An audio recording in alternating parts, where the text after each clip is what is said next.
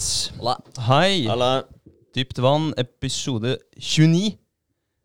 Og for en episode. Vi eh, har uh, gjest for andre gang i historien. Det er jo Ja, det er bra. Ja, det er kult, bra. ass. Det er kult. Velkommen, David. Tusen takk for det. Mm. Skal du si to ord om uh, deg sjøl, eller? Ja, jeg kan det. Jeg er uh, David Tovsen fra Halden. Eh, 35 år nå, tror jeg. Ja. Pleier å glemme det. Så ofte man sier det. Så ja.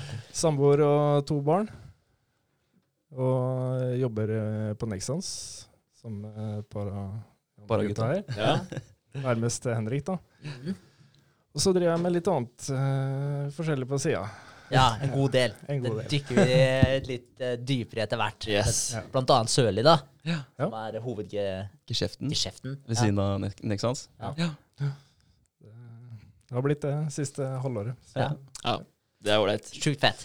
Ja, men kult. Skal, Skal vi bare gjennom uka? kjøre på gjennom uka, og så tar vi det derfra? Ja, Vi gjør det. Mm. Ja. Uh, jeg kan begynne, jeg. Eller begynte, jeg begynte sist òg, jeg, men jeg går for. det. Ja. Eh, uka har vært prega av eh, eh, offisiell launch da, av appen vår. Det Yes. Det er kult. Og det er bare å gratulere. Ja, tusen takk. Gratulerer. ja. Sykt morsomt. Kort applaus til oss. Én, to og tre. Ah, bra. Um, ja, det er vel på en måte det, det viktigste som har skjedd. Det var på onsdag. Da, da kjørte vi i hvert fall markedsføringa på at han var sluppet. Jeg, som vi snakka om sist, så var jo Apple uh, var litt tidlig ute med å slippe, slippe appen. Så den lå jo ute litt, litt Ja, for den på forskudd. egentlig på søndagen? Lø Lø lørdagen. Ja, lørdagen, Ja, ja. ja. Da overraska du meg med at han var ute. Ja. Og så har det kommet noen bestillinger opp ut gjennom uka, og så har jeg deala litt med det, og så har vi fått litt tilbakemeldinger. Vi har uh, booka oppfølgingsmøte med utviklerne i morgen. Så det er eh, Det gleder vi oss til, fordi det er små ting som eh, gjør at eh, appen er litt sånn frustrerende for oss spesielt. De som har lasta ned appen nå, har jo på en Mm. måte syntes det har vært kult at det er, den er der ute. Men samtidig så, så får vi konstruktive tilbakemeldinger, og vi, vi tar dem imot med åpne armer. Det er, eh, det er gledelig da at det, har kommet inn litt bestillinger fra Ja, ja. både venner og bekjente og litt sånt. Fader, ass. Ja, Jeg har ikke fått bestilt ennå, bare så du vet det. Jeg må Nei, men bare eh, si den det. kommer. Den kommer, ja. Ja, ja. Ja. Og så kommer det flere retter, og det kommer flere restauranter. Og det, det er jo det som er på en måte hovedfokuset nå, Ja, ja. fra eh, this point on, on onwards. Så det, det blir gøy å jobbe med det framover. Det ser veldig bra ut, da. Det Ja. må sies. Ja, Veldig. Fin app. Også, ja, overraskende bra på Apple. Jeg er veldig fornøyd med hvordan det ser ut der. Det som frustrerer meg litt, er at eh, de, de ser forskjellige ut fra Google, eller fra Android til eh, Apple. Det er Ja. nesten litt sånn eh, merkelig at de kan være så annerledes. ja, det er veldig rart. Ja. For det er funksjoner som er forskjellige. Ja, det Ja. blir sånn når du trykker på en knapp, så kommer du uh, inn på én side, mens uh, trykker du på samme knappen på Android, da, så kommer Mm. du på en annen side. Og det, sånn skal det ikke være. Oh, ja. Så, okay. ok. så det må også fikses opp i. Mm. Eh, for de som har eh, lyst til å prøve appen på, på telefonen sin, og har en Apple, så er det Når du trykker på bestill, så kommer du inn på kart. Det var egentlig hovedtanken når jeg fikk den ideen her for noen år tilbake. At jeg har lyst til å samle alle de sunne alternativene i en app. Sånn at når jeg står eh, i en by, da, kan jeg trykke på den, og så ser jeg hva som er nærmest meg. Og så kan jeg bare ja, sortere ut ifra det. da. Mm. Um, så jeg håper at vi får eh, løst det på Android også. Mm. Yes. Bra. Um, bortsett fra det, så, så har det har egentlig vært mye jobbing med, med appen i Mm. forhold til eh, release. Vi har jo kjøpt den der tableten og holdt Pollis orienterte og hjulpet de i gang. og de har gitt tilbakemeldinger til oss og anbefalt eh, oss å ta kontakt med andre restauranter, så det er litt kult. Er bare, Sterk saus har jo, skal jo visstnok starte et kjøkken nå, eller om de har gjort det, kanskje. Så Pollis anbefalte oss å ta kontakt med de. Sterk saus er jo Sterk saus, ja. Jeg så at de eh, samarbeider med han eh, Falk nå. Christ? Christer? Christer Falk, ja. Han Ja. Robinson-typen. ja, ja, Ja. stemmer. Yes. Mm. Da, og de eh, lanserer en sånn lilla uh, chilisaus. Ja. Ja, det er litt kult. Purple Pain. ja. Paint. Purple Pain. nei, nei. Men Det eh, det, vil, det, ja, det vil jo Mm. kanskje spraye veggene med litt Purple Paint etterpå, for den er sikkert grisesterk. Ja, så helt, det så ikke ut som du skulle spise. Gjorde det faktisk Nei. ikke. Men det sto at det var 100 eh, Hva heter det? Sånn Naturlig. Ik naturlig, ja. Ikke artificial. Ja. Så, Ja, ok. Men colaen er vel egentlig i utgangspunktet grønn, så ja, han er det, ja. ja. Jeg, jeg mener det. Eh, godt fact-check meg på den en gang, men Ja. jeg mener det at colaen i utgangspunktet er grønn. Så er det bare Radioaktiv ja, greier, da? eller? et eller annet. Så det som far- farger din svart, da, så det skal se litt eh, mer appetittlig ut. Shit. Så, så det kan hende det. Lilla. Har de et annet stoff i colaen som gjør det mer avhengighetsskapende enn sukker? For sukker er jo primært Det er jo det verste som fins, Ja, så var det ikke kokain i Jo, det har jeg eh, Ja. hørt av. Ja. Der er navnet Coca. Ja, ja. Det starta, starta med det. Ja. Sjukt. Glup jævel, da. Ja, Ja. som skal bare fyse drugs i i drikka, liksom, bare for å få alle Ja, øke salget. ja, ja. Bra. Det, det er ikke kokain i nøy, da, for å si det sånn. Nei. Det er ikke. Nei, så det, det er eh, Jeg bare blæsta gjennom. Det er eh, primært. Ja, Ja. bra. Eh, kan jeg ta uka mi, da? Eh, jeg har uh, fått ut uh, tre bilder på Instagram denne uka her.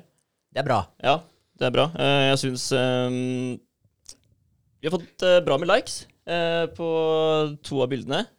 Det siste bildet jeg posta i går, den uh, syns jeg gikk litt saktere, altså litt tregere. Ja. Det var litt, litt skuff, men sånn er det. Da bare gunner vi på med nytt bilde igjen nå til uka, så får vi den opp igjen. Absolutt. Men det hjelper vel sikkert å, bare det med å være konsekvente, da. Ja, ja, Ja, helt klart. og så er det den derre jeg, jeg likte bildet, da, som jeg la ut uh, nå. Uh, andre bildet. Det syns jeg var dritfint. da, Hun som uh, satt på hesten. og Det var bra kvalitet. da. Ja. Uh, og jeg har fått andre bilder som Du ser Det gikk jo litt fort i svingene når jeg la ut de bildene, men du ser i ettertid at det det er tatt bilde av et bilde, da. Ikke sant? Ja. ja.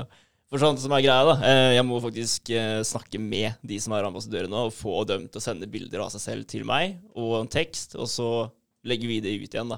Så det blir eh, det er, det er liksom nok jobb da, å legge ut tre bilder i uka. For det blir mye skriving fram og tilbake, og så er eh, eh, Mange av dem sier at ja, jeg sender det med en gang, liksom, og så tar det to-tre dager da, før du får noe som helst. Mm. Ja. Og så må du passe på da, at alle har lagt ut uh, en intropost av oss da, før vi promoterer dem. Ja. Så, men Jeg eh, jeg det. syns det går fint, og det vokser eh, sakte, men sikkert. ass. Det gjør det. Mm. Og eh, vi fikk faktisk inn Det må jeg si. det var en jente som la ut en intropost på tirsdag Ja. av oss. Og dagen etterpå så fikk vi 46 nye nedlastninger. Oi. Ja, ja. Det er det, faktisk 81 nye nedlastninger var det på AppStore Connect. Men det var 46 abonnenter eller noe sånt. ja, okay, Ja, Så vi gikk videre og tegna abonnementet. det er stilig. Ja, det var sjukt fett da, av den ene posten. Ja, så der kan man se da, altså hvor viktig det her er å få det ut. Ja, ja. Og det er, det er vanskelig, men eh, det Det er lar seg gjøre, deilig da. deilig for hver eneste post du får ut. Så bare f- føler du at du fyller opp uh, med noe som ja, ikke har vært der før, da. Og så er det noe som sitter og gnager eh, litt baki her. Jo, veldig. Ja. Og så i hvert fall når du får eh, På den første posten så la vi ut eh, eh, litt informasjon, da. Vi legger ut uh, annethvert bilde, da. Sånn Did you know-poster. ikke sant? Fakta om eh, hester da, og næring. Uh, og på det første bildet der så begynte folk faktisk å kommentere, da. Ja, og bare, Ja, det visste jeg ikke også. Nei, ikke sant? Og bare, ja, Kult at dere passer på med det her da, og gir oss litt informasjon. liksom. For det er mange som ikke vet om det. da. Mm. Så det er gøy Ja. å få litt tilbakemeldinger der. Det, det liker jeg. ass. Du får eh, blir litt ekstra gira da. ja, ja. Ja, det gjør det. Det er nice. Da er det helt greit å sitte hjemme på lørdag og legge ut bilder. liksom. Ja. Men, men der er jo der er jo dere i Sørlig utleie òg. Er jo flinke til å legge ut ting. Jeg ser dere jo overalt. Ja. Ja, ja. Dere er jo ute hele tiden. Ja. Ja, vi har jobba mye med Instagram og, og Facebook ja. Ja. for å gjøre kjent. da. Men Ja. eh, vår greie er at vi er jo lokalt i Halden. Ja, ja. Så det er liksom, Om vi får følgere fra Kristiansand eller Så si, jeg har jo liksom. ikke så mye å si. Nei. Eh, men eh, vi, eh, har du mye likes, da, så, så er det på en måte litt tillit Ja. tillitsbyggende da, for, for kundene våre. Ja, De ser at du har følgere. ja, det er klart det. Så, Mm. ja da, vi har jobba- jobba mye med det. Ja, ikke sant? Men hvordan gjør dere det da, bare sånn uh, nysgjerrig spurt i forhold til uh, Legger dere alle sammen ut og deler ting hele tiden, eller er det én som på en måte har hovedansvar for sosiale medier, og så deler dere andre Det er en som har eh, hovedansvar for det. Ja. Så, han, eh, så han planlegger innlegg eh, som kommer fram i tid. da. Ja. Ja. Eh, så han setter av litt tid til det, og så blir det publisert på tidspunktet framover. Ja, ikke Det var egentlig det så er vi snakka litt om bare forrige gang, eller forrige gang der igjen. ja, Altså ha tre-fire innlegg klare. det, ja, det er veldig sant. Mm. Det tar mye tid, Ja. overraskende mye tid, å, å lage innlegg. Ja, ja. Eh, så- Meningsfullt innlegg. For å lage et innlegg er jo piece of cake, men du skal ha, du skal ha et budskap, liksom. Ja. Mm. Helt sant. Så har hatt veldig stor effekt av videoer. Ja. Uh, hvor vi sjøl står Eller det har blitt meg, da. Ja. Sjøl stå foran kamera og fortelle om produktet vi har. Ja, uh, kult. det, det har gitt veldig eh, bra effekt. Ja, ja. Bare, bare det å vise hvordan ting fungerer, da. Ja. Mm. Det er jo gull verdt. Ja. Hvem som helst kan leie et produkt, men eh, det er jo ikke mange som faktisk vet hvordan det fungerer. Det er Jeg har sett en sånn eh, sofarenser eller noe sånt nå et par ganger. Ja. Ja. Jeg har aldri prøvd en sånn mosefjerner før, liksom. Det har jeg aldri testa. Så jeg så den videoen du la ut om det. Ja, Og det er konge. Absolutt. Det er litt kleint uh, første gangen når du skal stå der og så Hei, David fra Sørlige utlandet. Jeg når bruker en tepprenser. Er- Ja, altså, jeg skjønner hva du mener, men det er jo, det er jo en ny terskel å komme seg over, da. ja, det er bare å drite i det. Så. Ja. Mm. For nå er det litt uh, enklere, eller? Ja, Ja, nei, jeg, blåser, jeg blåser i det, egentlig. Ja. Det er sånn. Mm. Ja, ja, men det er rart med det der, altså, med en gang man liksom skal gjøre Men jeg, jeg tror det handler mye om det er når det er deg sjøl, da.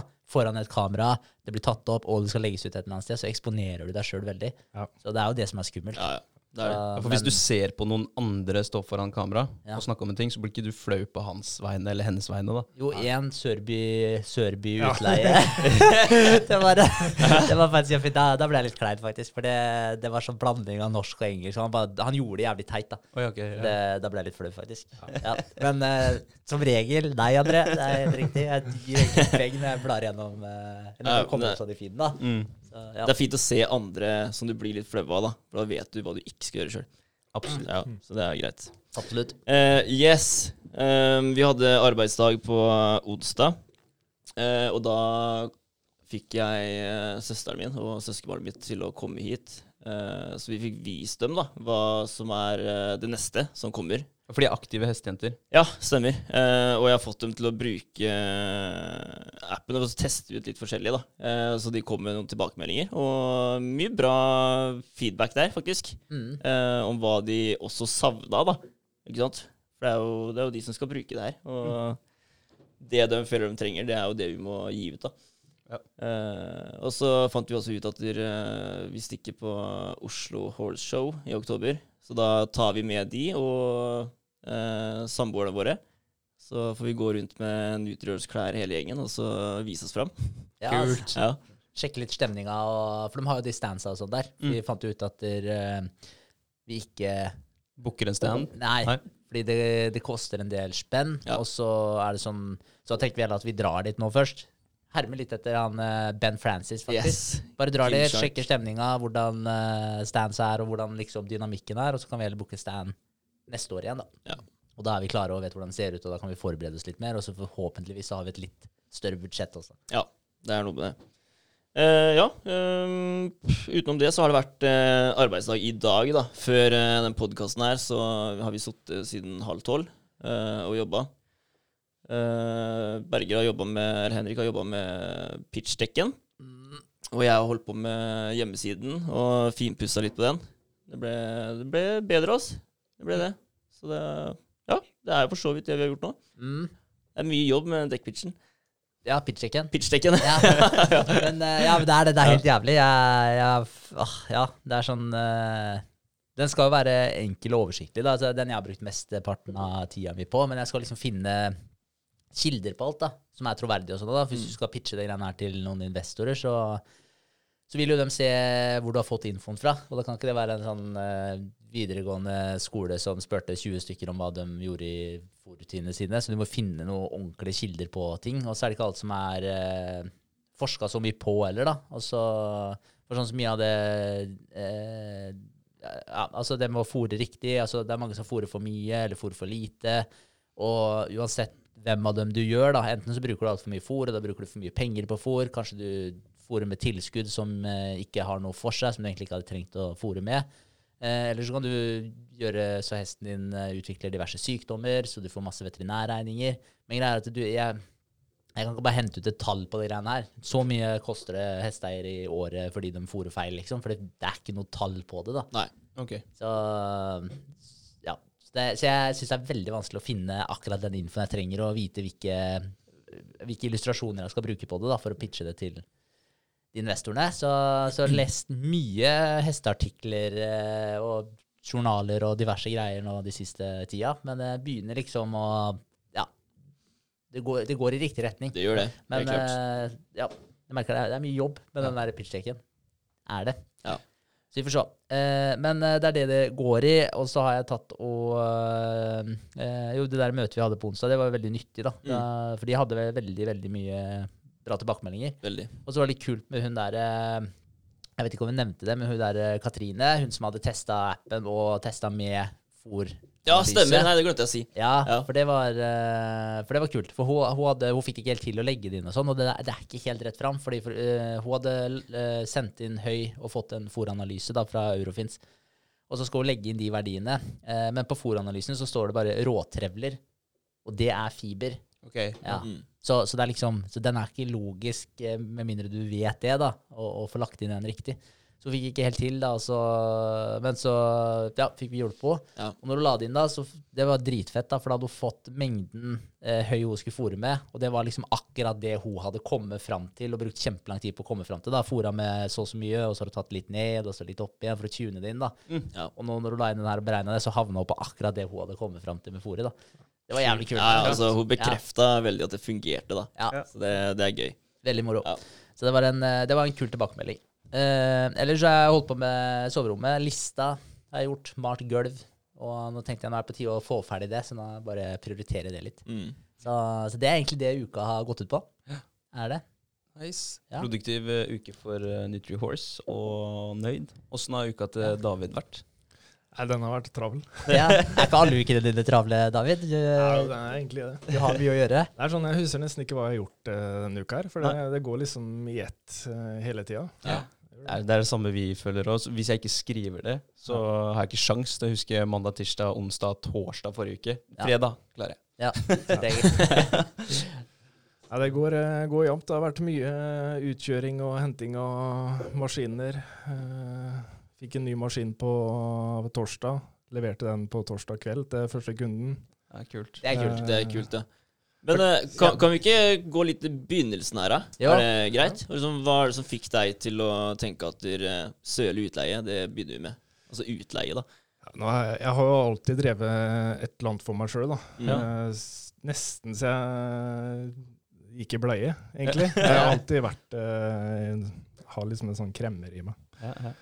Eh, født og oppvokst i, på frimarkedet i gamlebyen, faktisk. Med mora mi var der hver lørdag og sto og solgte brukte ting. Ja, ok. Så jeg fikk meg en egen salgsbod der, da. Ok, Så da er det helt tilbake til begynnelsen. Ja, det er ja, kult. gjør det. Eh, så jeg har alltid, alltid drevet, med, drev med ting for meg sjøl.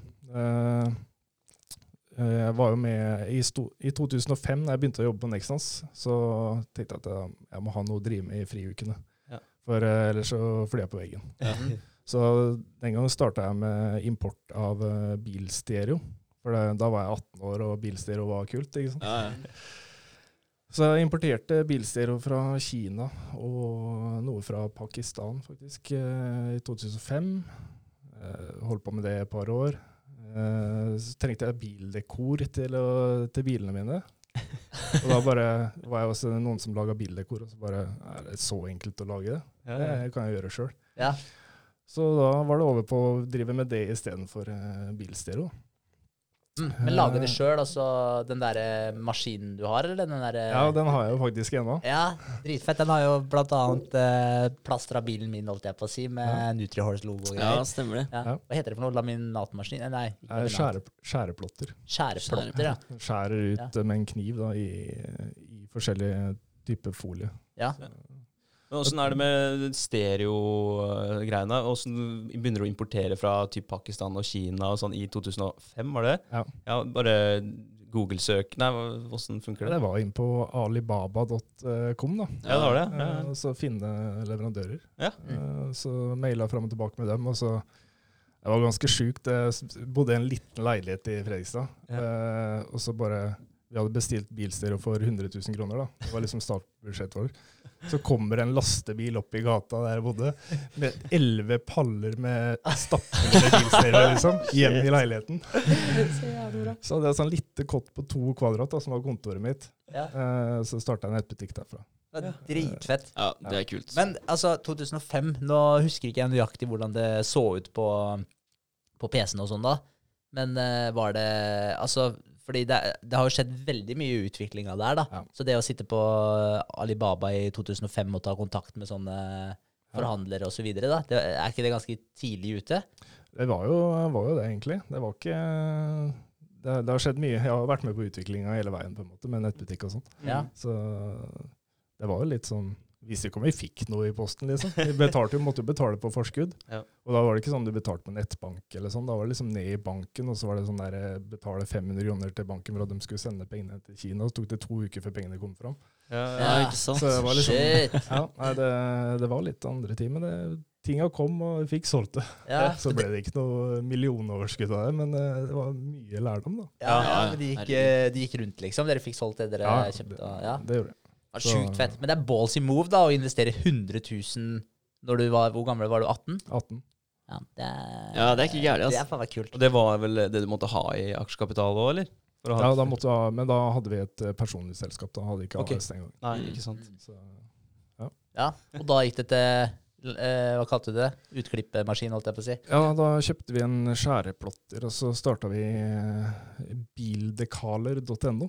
Ok. Solgte vi til alle rånerne og sånt. Og solgte klistremerker på nettet. Det ble også nettbutikk der. Ja. eh, Og solgte bøtter og spann. Hadde stand på gatebil på Rudskogen. Da solgte vi liksom klistremerker for første dagen. Da solgte vi for 15 000 Oi. på, på en dag. Hæ. Så bare Nei, faen. Vi har så mye å gjøre den dagen. Så bare dagen etter så dobla vi prisene. Solgte for 30. Shit, så jævlig bra. Ja. Så, men der og altså, Akkurat som Oslo Horse Show, det var dritdyrt å stå der. Det kosta ja. 12 000 kroner. da. Ja. Så, og så måtte vi leie en svær bil for å ha utstyr i. Ja. Men vi fikk eh, promotert oss, da. Ja. Så, Ja. Kom det mye salg ut av det i etterkant, liksom? For folk hadde sett dere og ja, det var litt vanskelig å måle det den Ja, gangen. Ja, ja. Har liksom ikke de samme verktøyene som vi hadde, har på nettet nå. da. Nei. For å liksom, måle hvor salget har kommet. Nei, nei. Men eh, nei, det var moro. Så ble det litt ull og sånn på kvelden. Så, Ja. så det, var, det var en bra helg. Ja. Ja. Kult. Så jeg holdt på med skilt og dekor i noen år. eh, jeg gjorde. Men eh, så ja. Det ble ikke noe Det ble mye jobb på Nexans, og så fikk jeg barn, og så Mm. ble det ikke noe mer av det. Nei. Men eh, så gikk det vel bare et par måneder etter jeg kutta ut det, så satt jeg hjemme igjen, da. Ja. Så bare ja, Hva skal jeg finne på nå? Nå må jeg finne på noe nytt ved siden av. Så da starta 123 Friluft. Yes. eh, Ja, det har jeg hørt om. Nettbutikken. Ja. Så der har jeg vært med fram til for to år siden. Mm. Så ja, det Og det, var- det var litt av en reise, det, da. Ja. Uh, Være med der. Uh, vi starta jo med egentlig Vi bygde opp nettbutikken sjøl, Mm. systemene og sånt nå, eh, for å liksom holde kostnadene lave. da. Jeg hadde litt eh, lokale, kjøpte noen varer fra noen norske leverandører. Mm. Og så han som jeg starta sammen med, han hadde designa og laga noen jaktdresser, som vi også solgte gjennom eh, den eh, butikken. da. Jeg hadde jo litt erfaring med import fra Kina fra tidligere, så da ble det at vi importerte en del eh, varer derfra. Og etter hvert så fikk vi laga egne kolleksjoner med klær, som vi designa sjøl og, og solgte. Og den eh, På toppåret der, så, som jeg var med, så omsatte vi for 11 millioner og hadde 1 million på båndlinja, så det var et, et bra resultat uh, da. Fett. Og den nettbutikken lever videre i dag, den. og- Ja, for det, for det har jo Jeg har bare sett Facebook-sida også. Den har jo gått over 100 000 likes, eller? Ja, jeg tror det er 120 000 likes eller sånn. Mm. Ja. Det er bra. Så det Ja, det er bra når vi starta der da i 2011, var det vi starta opp der, så det er jo ti år siden. Ja. Mm. Eh, da var det lett å få likes på Facebook i forhold til okay. det der i dag. Ja, ja. Eh, Nå er det så mye, liksom. ja, nå, må, nå må du betale penger til Facebook for at folk skal se innlegget. Ja, Mm. ja. Den gangen så var det sånn, var det en som delte, så så alle vennene det. Vi kjørte en konkurranse på, vi kjørte én konkurranse, og vi fikk 25 000 likes på én sånn eh, konkurranse på Facebook. Så Det er sjukt. ja. Og så tok det jo ikke lang tid før Facebook har begynt å ta godt betalt for at du skal fremme innleggene. Mm. Ja. Mm. Så Nå må du vel betale et par hundre kroner eller sånn for å ja, Ja, for, å bli, det tatt, ja, liksom. for å bli eksponert til eh, da, 1000 mennesker, liksom. Så er det 100 spenn. Ja. Brått. Ja, Og det er og, og det er ikke likes. For jeg, vi har kriga ganske hardt for dem. Jeg tror vi har 400 likes eller noe sånt. Det, det, Ja. det har jo pågått lenge, da. Mm. Så det er, det er ikke lett. Du må bruke en del spenn hvis du skal nå ut. Ja. Ja, vi gjorde jo det en uke, gjorde vi ikke? Hvor vi hadde reklame. Mm. Ja. Og jeg husker ikke, Hva betalte vi for det? Uh, ja, det var et godt spørsmål. Var det ikke sju Var det ikke bare en tusen Ja, jeg tror det var Ja. tusenlapp. Ja, Det, det var det vi Ja. prøvde på. Ja, jeg mener at det var en tusenlapp. Og så ble, fikk vi smekk i trynet når det var noen som sa at det, det, det holder ikke. Det er sånn 50 000 eh, på en måned. Da begynner det å hjelpe, liksom. Ja. Sånn Eh, tusenlapp på en uke, det går ikke. Ja.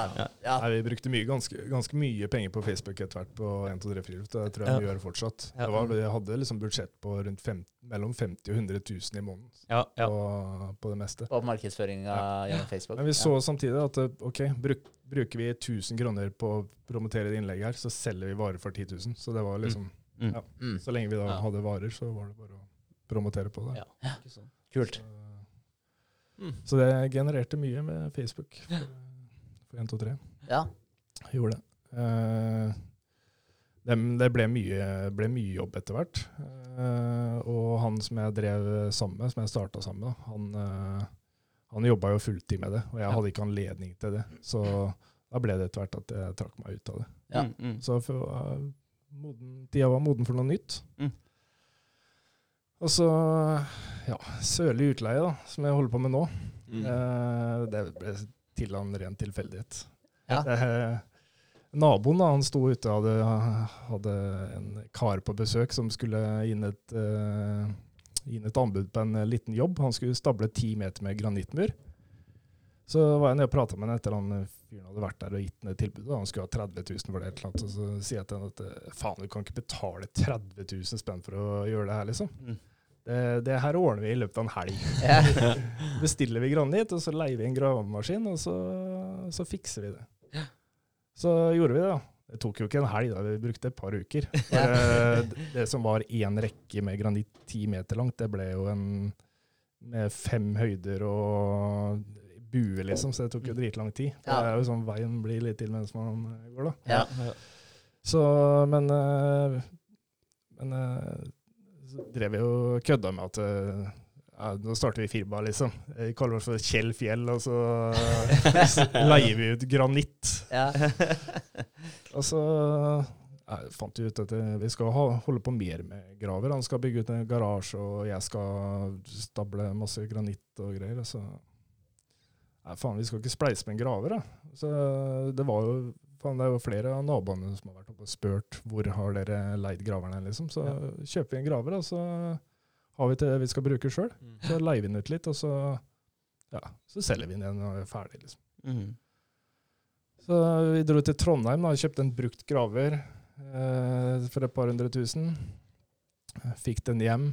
Eh, og akkurat samme der som den graveren jeg kjørte der om dagen, så, så var det Kom fra Trondheim, eh, hadde kjørt hele natta, kom hjem. Og så var det rett til Aspedammen på første jobb. Utleiejobb. jo. Kult. Og så Jeg fikk ikke brukt graveren hjemme i det hele tatt i fjor. Nei. For den, den var utleid hele tida. Ja. Det er sjukt. Men, eh, men da hadde dere allerede satt opp nettsida, og den bookinga og alt det greiene var på plass når dere henta graveren? Ja. Ja. Vi, vi begynte vel å lete etter graver sånn i eh, mai-juni. Og så fikk vi, fikk vi tilslag på en i midt i juli. Det, var ikke, det er ikke lett å få tak i eh, brukte gravere. Som, I hvert fall ikke av det merket som vi kjøpte, Mm. som egner seg for utleie. Så vi måtte vente en måned på å få den. Så han skulle gjøre ferdig med noen jobber. Mm. Så da fikk vi bygd opp nettsida sånn i, i mellomtida. Og så hadde jo, jeg hadde litt sånn utstyr og sånn fra før, da, så slang vi det inn i portalen, liksom. Og laser og vinkelsliper og litt sånn småtteri. Ja, ja. Så ja, fikk vi utleie på det òg. Mm. Det er kult. Nei. Og nå er dere oppe i to-tre grader, eller? Nå har vi tre gravere, en eh, dumper, eh, en flishogger eh, Hva mer har vi? Masse småutstyr. Ja. Vibroplater, eh, rensemaskiner Ja. Nei, det har blitt mye. Ja, for jeg har sett at dere har fått uh, opparbeidet dere veldig mye utstyr da, på veldig kort tid. Og så har dere også ordna egne lokaler. Ja, vi flytta inn i lokaler nå, for det ble litt mye å ha det hjemme i garasjen. da. Ja. Mm. Vi starta hjemme i garasjen. Jeg hadde, hadde graverne hjemme på gårdsplassen. eh, det lille de sto hjemme. da. Og utstyret laga en sånn utleveringsboks på garasjeveggen. Med eh, som jeg hadde, noen brukte materialer som jeg hadde. Ja. Jeg satt den fast på garasjeveggen, satt på noen kodelåser, og så kunne folk komme og hente utstyr sjøl. Så vi slapp å eh, håndtere det hele tida. Ja. eh, vi jobber jo begge to ved siden av, som, vi to som starta det. Mm. Så det funka jo. Folk kom og henta hjemme på gårdsplassen. da. Mm. Eh, og folk var fornøyde og betalte via Vips. Så jævlig kurant. Så. Ja, nå 15. mars så flytta vi inn i Bergland. Da fikk vi, fikk vi lokaler der. Eh, det ble litt mye å ha hjemme på gårdsplassen for naboer og sånt noe. Og mye fremmedfolk oppe i gårdsplassen. ja, jeg ser Ja, det blir litt er mye trafikk. Ja. Ja. Nei, så flytta inn i lokaler, laga et eget rom der med utleveringsbokser. da, Samme måte som jeg hadde på garasjen hjemme, så folk kan hente og levere varer når de vil, Ja. egentlig. Så, så har vi en plass å lagre alt ut, store maskinene inne. Ja. Så ja, det funker bra. Smart. Nei, men det, er, men det er dritkult. da, Bare det pickup-systemet deres òg syns jeg det er jo genialt. Slipp Ja, å ja, altså, hva skal jeg si, ja, frigjøre deg sjøl fra å være tilgjengelig hele tida, for det spiser jo veldig mye av tida. da. Ja, jeg gjør det. Mm. Så de to jeg driver sammen med, han ene jobber skift på Nexans. eh, For jeg har fått med en kar til da, nå på nyåret. Mm. Eh, For vi så at eh, ok, nå øker vi såpass at vi må ha inn noen flere ressurser. Samtidig så får vi muligheten til å få inn noe mer cash til Mm. å investere mer i utstyr. Så vi fikk med en uh, god kompis uh, som, som hadde lyst til å drive med noe ved siden av. Ja. Så det var, det var eh, nødvendig og, og viktig. Eh, for det, det krever jo sitt med håndtering av gravemaskiner og utkjøringer og sånt. Ja, så skal det vedlikeholdes og sånt nå også, vel? Sikkert. Ja, vi, vi må jo holde kostnadene nede, liksom. Så, Mm. så vi tar jo vedlikeholdet sjøl. Ja, ja. Er det en av dere som Hvis man har det som hovedoppgave, da, eller? Ja, han, han siste som kom inn, er eh, vedlikeholdsansvarlig. Ja, ikke sant? Så Ja, hvordan, rutiner og sånn på det. ja, for hvordan er fordelinga deres, om jeg kan spørre om det? da, Bare sånn grovt, da, liksom, altså, for nå er dere tre stykker. da, så Hvordan er det dere på en måte setter opp drifta deres? da? Ja, det er øh, han eh, Ketil som øh, Han er hovedansvarlig for sosiale medier og promotering og markedsføring, Google osv. Så, videre. uh, så det er liksom Han har det som hovedansvar. Så har du Per Vegard, som er øh, ansvarlig for eh, vedlikehold og sånt nå. Og så har jeg eh, som har drifta nettbut nettbutikken vår, da. For vi har jo online bookingsystem Mm. og sånt nå, og har tittelen laglig leder. Mm. Uh, så, Men Men så- så samarbeider vi bra med det meste, og alle leverer ut utstyr og tar det enkle daglige vedlikeholdet. da. Ja. Ja, For alt må jo sjekkes over etter eh, og- hver, Ja. hver gang det kommer inn. ja, ja, det er klart det.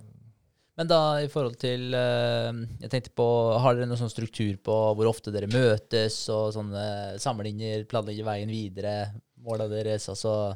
Ja, vi, har, eh, vi, vi treffes jo flere ganger i uka, men vi har ett fast sånn eh, styremøte en gang i måneden. Mm. Uh, I slutten av måneden går gjennom uh, status på regnskap uh, og ja, veien videre. Ja. Se tilbake på det som har vært og. Så da er vi fast en gang i måneden. Mm. Mm. Så, og det, er- det er viktig også. Og da, da har vi en fast agenda liksom, som vi skal gjennom. Ja. Eh, så, Ja, det er ålreit. Men er det sånn uh, For det her tar jo mye tid, ikke sant? Eh, holder du på med det her Du holder på med det her hver dag, kanskje? Eller? ja, kverna går døgnet rundt. Ja, gjør det. ikke sant? Eh, Men det er jo sånn det er i starten, da. Altså, ting må på plass, og det er jo mye, mye å styre med. Ja. Eh, sånn er det jo for eh, oss òg. Ja. men det er klart, vi kjører jo ikke ut og leverer ting og sånn, da. Eh, men har dere liksom en grense på det, eller? Hvor langt dere kan kjøre for å levere noe? Nei. Nei? nei, det er cash in. Hvis Ja, ja. det er lenger unna, så Ja. Ja. Blir betalt for. Vi hadde en eh, kar her som eh, Det var en lørdags formiddag. Som klokka ti da var jeg levert til en graver nede i byen, og så ringer de og så bare ja, jeg lurte på om jeg kunne leie en dumper eh, i helga, for traktoren har streika. Ja, hvor er det du holder til? Nei, Sarpsborg. Ja, jeg er der om 45 minutter. Mm. Ja. Så 40 minutter, etter 40 minutter så sto vi på døra hans med, med en dumper. da. Ja. Ja. Så han var dritfornøyd. Ja, han Og- kom garantert tilbake igjen. vet du. Ja. Ja. Ja. Så vi har levert mye til Sarpsborg, eh, og litt i Fredrikstad også. Ja. Så, og Aremark. Så Ja. Merka liksom eh, koronatida og sånt har gjort at folk eh, prioriterer å håndtere ting hjemme og gjøre ting hjemme og sånt. At det har blitt en litt sånn økning i utleie av utstyr, eller? Er det ja, jeg tror nok det. Vi, vi, har, vi starta jo på en måte i fjor høst, og ser jo at det er mange som har prosjekter, sånne type prosjekter hjemme. Folk skal grave ut til svømmebassenger og Ja. sånt nå. Ja. For eh, folk investerer penger i hjemmet nå. ja, Mm. Så vi har jo fått en Det var kanskje riktig tid å starte på sånn sett. Samtidig så må vi tenke på at det kommer en tid etter korona, og folk skal ut og reise isteden. Mm. Ja. Ja. Eh, så vi har jo det i bakhuet hele tida. Eh, det er lett å Kunne sikkert kjøpt ti gravere i morgen liksom, og fått leid ut alle sammen, men eh, ja, må ta det litt pent òg. Ja. Ja. Ting skjer veldig fort. da. Igjen i dag så har vi liksom Nei, nå må vi roe ned. Nå er det innkjøpsstopp. Og så går det to timer, og så har vi kjøpt en ny graver. ja, det er sjukt bra. Man, blir- man blir jo jævlig gira. da. Ja, ja, men det er jo klart det. Men, eh, men sånn eh, i forhold til magefølelsen nå, eh, i forhold til nå har du holdt på med det her i overkant av et år, eller? Halvannet år, eller noe sånt? Ja, august i fjor, da. Så det er jo Ja. ikke mange måneder, egentlig. Nei. Så, Nei, ikke sant? og sånn fulldrift så har det vært siden mars, Ja, egentlig. Så ikke sant. Men når du ser det, da, og hvor bra det har gått nå, altså i forhold til For du har jo, altså, du har jo som du har nevnt, da, drevet med en del eh, greier tidligere og sånn nå, da. Hvordan er følelsen din på det her og framtida med sørlig utleie og sånn? Ser du for deg at det kan eh, ja, ja. bli veldig bra?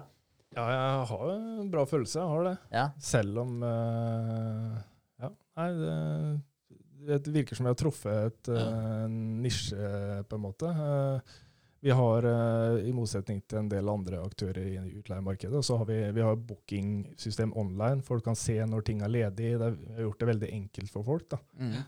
Uh, og hovedmarkedet vårt er jo privatpersoner. Uh, og Nei, virker som vi har truffet en eh, greie. Vi har uh, begynt så vidt den eh, uka her å prate om å utvide til uh, nabobyene. Ja, ja. OK. ikke sant? Så Kult. Nei, så vi får se. Jeg har trua, jeg. Så Ja. det, skal gå veien, det her. Moro. Ja, det er kult. Man må ha troa. Det er faen meg viktig. Altså. Hvis du ikke har troa, så er du fucked fra begynnelsen, egentlig. Så man må alltid ha troa. Vi har satt opp, vi satt opp et budsjett da, før, før året her, når vi gjorde innkjøp av utstyr. Eh, hvor, hvor mye tror vi kan leie ut den graveren her i mars, april osv. Uh, og vi har jo nesten det dobbelte, uh, tror jeg vi havner på, av det vi satte opp nå for april. Sjukt. Og så deilig. ja. Ja, Ja, for faen. er- Bare knuse måla, jo. Ja, Det er fett. Ja, det, er- det er skikkelig kult. Så nå er det bare å bygge en eh, god buffer, for eh, vinteren den eh, blir lang for eh, ja. Det er ikke Ja. mange som har lyst til å stå ute og grave og Nei, holde er på. Nei, nei. Så, så det er jo det er jo åtte måneder i året som er, eh, som det er full fart. Ja. Ja. Høysesong. Men har dere snøfreser og skuffer og sånn inni nå, eller? Er Vi har snøfreser. Ja. Selv om ja. snø hvert tiende år i Halden, så har vi snøfreser. Ja, ja. Men eh, sånn saltspreder og sånne ting, da. Det kan være kjekt. ja. Nei, vi, vi prøver å tenke, tenke på ting som kan gå hele året. Eh, og den siste graveren vi har kjøpt nå, den har en sånn pigghammer, så du kan pigge betong. Den kommer inn dører. Oi. Den kan du smale inn, så den kommer inn en vanlig inngangsdør. Okay. Ja, så fett. skal du pigge opp et badegulv, så kan du, og det kan du gjøre på vinteren. Så Ja. vi prøver å tenke litt i den banen nå, da, på innkjøp vi gjør nå framover. Ja. Ja. Det har du gjort for hånd, det, Jeg, Bergen, skulle ikke? jeg, jeg, jeg, jeg satt og tenkte på det nå. Det var tenkte jeg, tenkte meg jeg hatt en graver så jeg kunne stått og være pigga. Jeg tror ikke jeg hadde turt å kjøre en graver innendørs. Ja, det var i en kjeller, da. Ja, ja, ja. så det var forholdsvis safe, da. Men uh, fy faen, der sto jeg, jeg sto jeg noen timer. Ja. Eh, ja, ganske gående. Jeg tror jeg, lungene mine ble svarte etter, så jeg burde hatt støvmaske. ut. Det Mm. var ikke bra i det hele tatt. Ja, du sto der uten. Var Kjempebra. ja, det var helt sjukt. Ja. Men eh, dere får vel også ønsker, eller? Gjør dere ikke? Ganske Jo. mange? Vi har gjort uh, På Facebook da, så har vi skrevet i, i, i vinter så skrev hva er det dere ønsker, liksom. Mm. Uh, og og de mesteparten av på Facebook-følgerne vi har der, det er uh, folk lokalt. da. Ja. Der har vi rundt 1500 følgere nå, tror jeg, som Mm. jeg er veldig fornøyd med. Instagram er liksom Der kommer det følgere fra alle kanter. Men Ja. eh, de som følger oss på Facebook, det er folk fra Halden. Så vi har spurt dem liksom ja, hva er det du kunne tenke deg å leie. Mm. Så det var veldig mange som ønska tippenger eh, i, i vinter, og da, Ja. så det kjøpte vi det. Ja. Legger du ut poll, eller hvordan gjør dere det, liksom? Jeg har bare lagt ut en post, og så Ja. Kommenterer bare kommenterer det. Ja. Så har vi kjørt noen konkurranser og sånt. Og kommenter hva du har lyst på, så kan du vinne påskeegg med sjokolade. Ja, Nei, Nice. men, uh, Ja, smart. Men det er jo ikke dårlig å ha klart å opparbeide 1500 likes på den Facebook-siden. Nei, nei, det er bra, det, altså. Ja. Det er det. Og vi har ikke brukt så veldig mye penger på å promotere på Facebook. For det, nei, det, det er bedre å legge ut gode poster som treffer folk, isteden. For, å- for å bare promotere Mm. Ja. til dårlige innlegg. Hva, hva tror du er beste måten å promotere på, egentlig? Er det liksom, er det Face, eller er det Instagram, eller er det hjemmeside? Liksom, hva, hva mener du er best? Jeg kommer litt an på nisja man driver med, da. Ja. Eh, For vår del så er det egentlig der vi bør legge penger da, for å promotere. Det er på Google.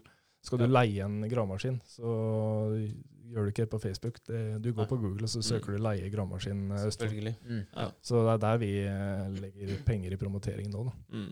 Uh, skal du drive nettbutikk og så selge varer, så, så er det Da funker Facebook. Mm. Mm. ja, ikke sant. Det, Det gjør det. Mm. Så Instagram, så Vi har posta mye sånne bilder fra, som er rett fra leverandøren av en gravemaskin. Ja. Og det, det funker ikke så bra. Det, det, det får ikke så mye likes. Nei, nei. Men uh, vi har brukt bilder av oss sjøl. Mm. Uh, tatt bilder av, tatt bilder av oss som står på utsida av Sørli med noen gravemaskiner og sånt nå, og viser, uh, viser hvem vi er, da, som Mm. står bak. Og det, det har fått bra respons på. Ja. Det funker. Ja. Da er det liksom litt mer enn bare det der bildet som du ser på nettet. Eller. Det var Ja, ja. litt det vi Ja. snakker, ja, vi har snakka om. Vi har om personliggjøre det litt og sånt. nå, For et tørt, kjedelig bilde av en gravemaskin, det kan du liksom scrolle fint forbi. Men hvis Ja. du ser Oi, ja, der er han fra Sørli, og så Det liker jeg. Det liker jeg, ikke sant? Ja, og så ser du kanskje at det er brukt litt mer eh, det er Lagt litt mer flid i det òg, da. Ja, at I stedet for at man bare klipper ut et bilde, ser det kanskje litt eh, dårlig grafikk, og ser at det, det her var ikke laga for å legge ut på Instagram. Ja, Så, at dere, så man ser jo det, da, så det kan jo hende at der, ja, det har litt med det å gjøre òg. Men så ser man jo uansett på Instagram òg, da. Har du et ansikt der, så får man som regel mer likes enn om det er et objekt eller hva det er som er tatt bilde av. Da. Det ser man jo bare fra personen i Instagrammen òg. Mm. Så, så det, jeg tror nok det ja, hjelper mye. Ja. Absolutt. Så videoer, da. Ja, Videoer eh, funker eh, veldig bra. Det stjeler litt mer eh, oppmerksomheten litt raskere, da. Så det, Ja. ja, når det skjer noe på skjermen. Ja. Jeg ser det når jeg scroller på Facebook sjøl. Så Ja. mye poster jeg scroller forbi, og så kommer det video, så stopper jeg ofte opp. Ja. Ja. I ca. ti sekunder eller noe sånt, eller i underkant av det. Kanskje Ja. fem sekunder, og så scrolle videre. ja har Vi er ikke veldig. Nei, vi har ikke det. Nei. Ikke veldig tålmodig. Men det er eh, noe vi har tenkt å gjøre litt òg, begynne med litt eh, sånn videoer, men da legge det ut på YouTube, da. Ja. Eh, er litt planen vår eh, framover for å Ja, for å ikke ha alle de der tutorialsa på Instagram, da. For det, for det er jo litt sånn her i forhold til åssen poster åssen type poster du legger ut da på Facebook, Instagram og, og YouTube. Det er jo forskjellige plattformer, så YouTube er litt mer lengre format. Instagram så er det egentlig bare korte bursts, egentlig, da. Ja. Eh, og, så, så det er litt planen vår, egentlig, da, å få lagt ut noe der. Og så heller bare holdt jeg på å si, linke opp fra Instagrammen til YouTuben, for eksempel. Da. Mm. Så, så vi får se. Teste det litt. For det, for å få, for det er jo det for å få uh, til å være litt enklere for folk å bruke det. da, sånn, uh, Forstå ja, hvordan de skal bruke det, akkurat som med dere og bookinga osv. Hvor de booker en. Finner lett fram på hjemmesida. og så den biten der, da. Det er, eh, altså det er det som er viktig, da. Og at, folk, eh, at det er så enkelt. da. At folk ikke trenger å spørre hvordan de skal gjøre det. Ja. Mm. For det, den opplevde jo vi nå med den fòranalysa. Hvor hun måtte sende melding til oss da og spørre Eller fordi hun skjønte ikke helt. Eh, og sånn skal det jo ikke være. Nei. Det må være Men det var jo klart det var analysa, da. Eh, og vi har fått retta på det nå. Det står eh, råtrevler på, på appen. Det står det nå. Ja, men det har du gjort eh, vel hele tiden, er det ikke det? Bare at det står råtrevler fiber. Å ja, ja, du Ja. gjorde det? Ja, ok, ja. ja. Jeg trodde det var en eh, ting som ble retta etter det. Men Nei. eh, nei. nei. Det er det ikke. Men det står bare råtrevler i analysen. Der står det ikke fiber. nei. Nei. Så da kunne du egentlig sett det, da. Ja, kanskje, men eh, ja. Nei, Men det, det er ikke så rett fram, ass. Det er Nei. ikke det, dessverre. Så, men der har vi en jobb å gjøre da, for å formidle det Ja. Gjøre det Helt klart. enklest mulig, da. Ja. Og bruke det. Og derfor eh, video, da. For å få fram budskapet litt. Ja. Og hvordan det fungerer. For det, jeg tenker det er den, egentlig den riktige måten å gå på akkurat den biten der. da. Som, Mm. Hvordan ellers skal man gjøre det? Altså, eh, man kan selvfølgelig, Et tips som de jentene hadde òg, var jo å ha en infoboks på den siden på appen. Altså Du har sånne små infobokser som man kan trykke på gjennom hele appen. Mm. Som forklarer den siden de er på. Og det hadde selvfølgelig hjulpet. da. Men annet enn det, så jeg, jeg vet ikke helt hvordan man skal få formidla det, liksom. Nei, for det er liksom Det er begrensa hvor mye enklere man kan gjøre det òg, da. Det, det går nesten ikke. Ikke sant? Å få det der til å klaffe på en bedre måte. Det er jo, du får jo en analyse, og så har du eh, appen som du skal føre det inn på, da. Eh, og det går ikke an å få det så mye enklere, da. Nei, Da må du skanne det inn, da, for eksempel, Ja. eller noe sånt, da, men da begynner det å bli ganske komplekst igjen. da. Mm. Ja. Ja, det gjelder å gjøre det så enkelt som mulig. Så folk er vant til å ha det enkelt i dag. Og, Mm. Det er litt annerledes i dag enn når du begynte på med nettbutikk og sånt. Men har du prøvd eh, noe sånn dropshipping og sånt nå, eller? Eh, eh, på slutten, da jeg var med på, på 123, så starta, starta vi med dropshipping. Ja. Det ene varemerket som vi hadde på, på turtøy, eh, det ble lansert i hele Europa eh, med dropshipping fra, direkte fra leverandørene i Kina. Okay. Så jeg vet ikke åssen det har gått, men eh, jeg ser bilder på Jeg følger det på Instagram, da, det Ja. varemerket. Uh, og jeg ser jo bilder fra, fra hele Europa, fra folk som bruker det tøyet. Så jeg tror det, jeg tror det går bra. Ja. Mm. Mm. Kult. Kult. Ja, det er fett. Eh, Så, og det er jo greia der. Vi håndterer nettbutikken, liksom, og så går ordrene direkte til Kina, og varene blir sendt ut derfra med DHL. Ja. Og kunden har eh, varen innen to-tre dager. Da. Det går fort. Ja, Det går så fort, ja. Ja, DHL er sinnssyke på å levere. kult. Ja. Ja. Mm. Men hvordan, altså, for det, det her er litt interessant uh, for oss uh, egentlig, og sikkert Ja. Mm. deg òg, André. Men tenkte på, for vi har tenkt å sette opp nettbutikk på uh, hjemmesida vår. Ja. Og da har vi selvfølgelig lyst til å sette opp en type dropshipping, da. Så vi slipper å ja, Sende alt for forsendelser og Jeg vet da faen alt du må gjøre. Ja. Da blir det sikkert masse toll og skit. For vi må, det skal jo overalt, ikke sant? Ikke bare innenlands. Eh, men for å sette opp det, da. Hvordan ville du gått fram da, liksom? Er det Alibaba eller AliExpress du Hvis du skal lage noe eget tøy med merge, da, Ja. med trykket deres på, så er det å gå på f.eks. Alibaba og så finne en, eh, en leverandør eh, som kan levere tøy med trykk. Mm. Og så bare ta kontakt med dem og snakke med dem. Eh, det, det, er ikke, det er ikke noe big deal, egentlig. Altså. Nei. Nei, Det nei. er ikke det. Og så, og så setter du opp en egen nettbutikk eh, her, et eget eh, system. Det er sånn som vi har gjort tidligere. Altså, det finnes mange leverandører av nettbutikker Mm. eh, som tar betalt for hver eh, ordre, de tar for, skal ha et månedsgebyr osv. Mm. Vi har alltid satt opp gratisløsninger. Ja. Eh, Nice. Så har vi heller brukt eh, penger til oss utviklere for å, for å gjøre det best mulig, den Ja. eh, løsningen. Ja. Så man slipper noen faste kostnader. Og så da kan du gi dem i Kina tilgang til den nettbutikken. Så, Mm. Eller at ordrene blir sendt direkte dit. Ja, Det, det går an å fikse det. Altså. Ikke sant? så kult. Men hva vil du anbefale å bruke sånn eh, type for Shopify, ja, når jeg ser Ja. som går Der, igjen? der er det gebyr, da. Det blir vel uh, litt det samme, at du, du må betale et månedlig gebyr eller noe sånt Nå. Ja, for der betaler du for nettbutikken, ja. Mm. Ja, det, jeg, det jeg bruker nå uh, til sølvutleie, det er WooCommerce. Ok. Eh, ikke, Ja. Koster ikke noe.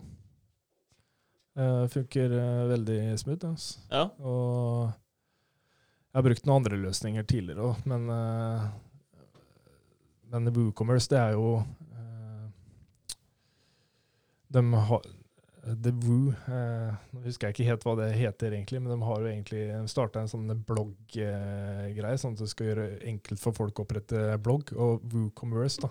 Mm. Det er liksom eh, en sånn tilleggspakke til, eh, til det her. Eh, og der sitter og utvikler over hele verden og lager sånne gratis extensions. Noen uh, extensions kan du kjøpe sånn plusspakke, så du får noen ekstra funksjoner og sånt noe. Mm. Okay. Så den eh, pakka som vi bruker da, på, uh, på Sølv utleie, det er uh, det er egentlig en sånn som er laga for booking av rom, eller hotell, Hoteller. liksom. Ja, ja, ja. ja. Ja. Så har vi gjort om eh, oversatt, oversettelser og sånn, så det funker til vårt bruk. ja, smart. Så Jeg kan se for meg det, faktisk. Redigert litt sjøl. Ja. Wordpress er det, uh, som er ja, så det er, Ja. blir en plug-in til Wordpress? Ja. Så kult. Ja, da kan vi bruke den, da. Commerce. Ok, så her kan du basically da sette opp uh, type dropshipping gjennom WooCommerce Ja. og bruke den. Ja. Og- Ja, for dere bruker Wordpress, gjør Ja, dere ikke? Jo, jo, stemmer. stemmer. Så da kan du installere WooCommerce. Og Kult. Ja. Ja, men det skal vi teste litt på, for det er jo så det er, det, Altså, bare mote innenfor hest er jo enormt. Det er jo, Ikke eh, det er jo et helt sinnssykt marked, bare det. Ja, det er det. Ja, så, så det hadde vært kult å, å Ja. Er det fått, eh, dekket opp i Norge, eller? Fins det noen gode butikker for å kjøpe ridebukser som Ja, er du har jo. Kingsland og Ja. merker som det, da. Som er ganske store, egentlig. Eh, og bare Felleskjøpet har jo masse klær. Ja. Eh, Så Det er litt overalt. ja, det er det. Så, men, eh, men det er litt den derre å skaffe For vi har jo begynt å printe hettegensere videre, da. Men skaffe noen klær som de faktisk bruker da, når de er ute og rir. Fordi du skal egentlig ikke ri med en hettegenser, for den kan feste seg i ting. da. Mm. Eh, så vi har jo spurt, eh, spurt eh, noen av de jentene om det òg. Og det er mange som ønsker seg en tynn, stram genser med høy hals, f.eks. Så de får dekka halsen litt da når de rir. Ja, Eh, type boblevest. Ikke boble, da, men altså sånn tynn, tynn boble. ja sånn dunvest, liksom. Ja. Ja. Det jo er veldig populært, da. Så det er liksom, ja, litt forskjellig av de tinga da, som Ja. de faktisk tar på seg når de skal i stallen. da. Så har det fett å ha sånne salpads og sånn òg. Det er jo de derre Hva heter det for noe? Det er sånn, Dekken, liksom. ja, så- sånn pad du har under salen, da. Mhm. Den som ligger mot hesten. Så der også er det mange som har egne merker og sånn på de. da. Så, så det er mye sånne kule ting som vi faktisk kunne ha hatt på den butikken. Rumpetaske. Ja, det, Det er det mange som er bruker. stor etterspørsel på. Ja, til Ja. godbiter og ha telefonen din når du er ute og rir. Og det er, eh, ja, så det er det, fett å få opp en ordentlig butikk der. Det er liksom bare det å finne, ja, finne de klærne da, som er eh, ettertrakta, og leverandøren som har den da, til en grei pris, og som er villig til å printe logoen vår på det. Men, men da kan du altså Men hvordan gjør du det i forhold til altså Jeg regner med at du spør om noen samples og sånn, og bare sjekker at det er i henhold? Ja. Sender de det gratis ofte? Nei, du må betale for samples. Ja. Ja. Mm. Det må du. Ja. Eh, Det er å bestille samples, få det tilsendt og sjekke kvaliteten. Eventuelt gjøre justeringer hvis de, eh, hvis de ikke har et ferdig produkt da, eh, som passer til dere. Så er det å sende, sende tilbake igjen, da. Eller ikke sende tilbake, men de må endre på det her og det her, og så få nye samples. Mm. Så det er mye Det er litt jobb med det. Men også dem som dere bestiller klærne av, det er jo det er jo ikke nødvendigvis dem som må trykke det. Nei, og hvis du har annet selv. utstyr, sånn som uh, den stalltingen. Det er jo ikke De som lager hettegensere, har jo ikke det. Nei. Så Mm. da må du kanskje finne en annen i, i Kina eller noe, som kan gjøre trykken. Mm. Og så få, ha, få dem som leverer eh, tinga, til å sende det til han som trykker. Ja, Ja, sånn, ja. Ja. Så det går en liten runde, ja. ja. Men- Shit. Men er det, hvordan er det i forhold til å ha mange forskjellige leverandører? Er det veldig dumt, eller? Eller produsenter? På Nei, det spiller ingen rolle, liksom? Men så er det Du kan trykke mye sjøl, da. OK? Den genseren som jeg har på meg i dag, den trykka jeg i stad. Oh, ja. Ja. Kult. Så det er jo mulighet, det òg. ja. ja. Men da Så må vi begynne å betale toll og sånn, da, må vi ikke? Hvis vi bestiller det hit. på klær så er det 7 tollavgift. Okay. Men på utstyr sånn, så er det ikke noe tollavgift, da er det bare moms. da. OK. 7 Sportsutstyr, hvis det går i kategorien sportsutstyr, så er det ikke noe toll. Nei, ikke sant. Ridetøy er ikke det så- sportsutstyret her, Vegard? Jo. Jo, det vil jeg si. Ja, det, er mye, det er mye muligheter. Jeg har drevet med litt av hvert, så det er bare å spørre. Ja, Ja, det men, kan hende vi spør litt om akkurat den biten her. ja, jeg må spørre litt akkurat nå, for jeg skjønner ikke helt eh, Altså, produsent eh, og leverandør, da. eh, er liksom Er, er Kingsland Bruker de en egen produsent, eller er de produsent og leverandør? Så hvis du har et eget merke, da, sånn som eh, Ja, et annet random klesmerke òg, da. Ikke sant? Eh, er det liksom, tar vi kontakt med dem og spør om de kan printe en egen logo på det tøyet vi handler av dem, eller må vi gå forbi dem igjen? Nei, du vil jo gå forbi dem. Du vil Ja. jo tilbake til dem som faktisk syr, eh, syr tinga. Ja. Mm. Sånn som de fabrikkene som vi brukte på 123 som sydde de buksene her. De, eh, de sydde jo bukser for eh, flere andre leverandører òg. Mm. Så du må tilbake til dem for Ja. å få prisen, prisen ned. da. Ja, ja. Så, Men, men gjennom den shippinga, sånn, for du snakka om DHL, da. Mm. Da går det veldig fort. Ja.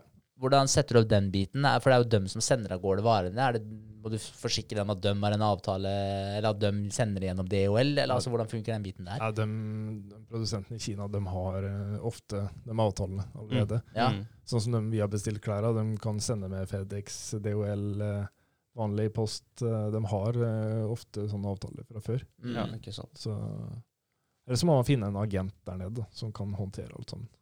Ja. Så, Mm. Mm. Har du brukt det før? Agent? Ja, han, eh, han som eh, sydde de buksene her, han, eh, ble, han fungerte som agenten vår. da. Ja, okay. Og Han hadde fabrikker igjen som han hadde kontakt med. Så vi bestilte bukser av han første gangen, så var det ikke han som egentlig produserte dem. Mm. Men han hadde kontakt med fabrikker igjen. Da. Mm, Så han var på en måte en agent Ja. der nede. Men det merket da, blir det på en måte eh, 1, 2, 3 Friluft sitt eget merke? Ja. ok. Så i lomma eller i eller så er det en sånn lapp da, hvor det står 1, 2, 3 Friluft, eller et merke som tilhører Ja, Northern Frontier, da, som det her eh, merket heter, Ja. det ble jo registrert som et eh, varemerke? patent, eh, Patent, ja. Ok. ja, Ja. varemerke. Så, som tilhører selskapet igjen. Å, så kult. ja, hvordan gjøres det? Ja? Må Er søke patentstyret. om det? Patentstyret. Ja. Mm. Men er det en årlig avgift, da, eller? Nei, det husker jeg ikke helt åssen det var, faktisk. Nei. Det var ikke jeg som tok meg av det. Nei, men det er gode, gode innspill her, altså. Ja, det er Ja, det. ja, dritkult. Jeg digger det der WooCommerce. Det, det var fett, da, for Ja. jeg har tenkt sp- eh, Shopify, jeg tenkt, men da har du den der eh, månedlige gebyret, da. Ja. Så det er jo litt det er, Ja. Ja, det har jeg sett på gjøre alle. Ja, du vet de som st kommer øverst på Google-søka, eh, sånn type Shopify og um, Teespring, hva det het? Teespring, ja. Teespring. Ja. Og um, eh, det jeg brukte, Spreadshirt. Mm. Når du søker på uh, hoodies with print, så kommer de øverst. Alle de har jo høye avgifter. Men de bruker jo masse penger igjen da på å komme høyt opp på Google-søka. ikke sant? Ja. Så vi må prøve å finne sånne loopholes eller sånne varianter som, eh, som vi får tips om nå. da. Mm. Det er kult. Dritfett. Der skal jeg sjekke ut, eh, sjekke ut mer om. Ja. Vi tenkte å få Sofie, da, samboeren min, til å få synes det er litt artig å holde på med. Så at hun eh, kan styre litt med den eh, nettbutikken, da. Men da får hjelpe til litt å sette opp eh, avtaler og litt sånn, da, for det blir jo en del, en del jobb. Ja, det er jo sikkert litt, litt styr å få det til å gå sin gang, da. Mm. Ja. Men er det mye når, man først har det oppe og går, da, nettbutikken osv., du har avtale med det selskapet som produserer og chipper tinga for deg, alt det er liksom i boks. Hvor mye krever det av deg etter det? Nei, ikke mye. Det er jo å finne nye produkter. da. Ja. jakte, jakte nye ting. Ja. Mm. For uh, ja, det må skje noe nytt for at folk skal handle eh, flere ganger. da. Ja, Mm. ja. Så det er, men eh, det, det er jo ikke så mye jobb, da. Men eh, det skjer jo mye med en utvikling av nettbutikk og sånt nå. Ja. Eh, og det har jeg sett. Når vi starta med 1, 2, 3, 4 i 2011, så var liksom 90% av brukerne satt på en PC. I dag så er 90% sitter på mobilen. Ja. Det ser jeg på Mm. Sørlige Utleie at de fleste sitter på mobil og bestiller. Ikke sant? Det er Eh, så det skjer jo mye utvikling, da, så du må liksom henge med på den eh, biten der. Så det, det er jo litt jobb, da. Eh, Nettbutikken må være optimalisert for Ja. små skjermer, da. Ja. Ja. Mm. ja, Det er litt å tenke på, for jeg tenker hele tiden PC, liksom. Men det er som du sier, da. Nå er det de fleste sitter på mobil, da. gjør det, altså. Så hjemmesida og sånn burde egentlig være optimalisert mest for mobil, da. ja. Ja. Det, det, det blir den for så vidt òg. Ja. Jeg syns jo når vi sitter med hjemmesiden, så ser den bedre ut på mobilen ofte da, enn Mm. eh, det den gjør på, på dataen. Det er veldig bra, da. Wordpress gjør vel kanskje det litt automatisk òg. Ja. ja. Det- mer- merker jeg med Vi bruker jo Webnode nå, og så har jeg begynt å eh, lage eller bygge hjemmesida på nytt igjen i Wordpress, for jeg ser at det, det er mange flere muligheter der da, enn Mm. Webnode. Webnode har begrensa antall eh, design og funksjoner og sånt noe. Så nå bygger jeg opp det samtidig. Jeg ser det at eh, Wordpress de har, eh, har mye bra. Ja, de har det faktisk. Du òg har jo noe kul merch. da. Jeg har vært inne og sett på Ja. uh, kul, kul logo, liksom. Ja. Ja, det er det. sånn som, Som Jeg- fenger, liksom. Ja, jeg, jeg fikk jo lyst til å kjøpe meg en genser, for jeg syntes den var kul. Ja. Jeg te vi har tenkt litt på det, altså prøve å få produsert noe. For det her er jo bestilt fra, via da Spreadshirt.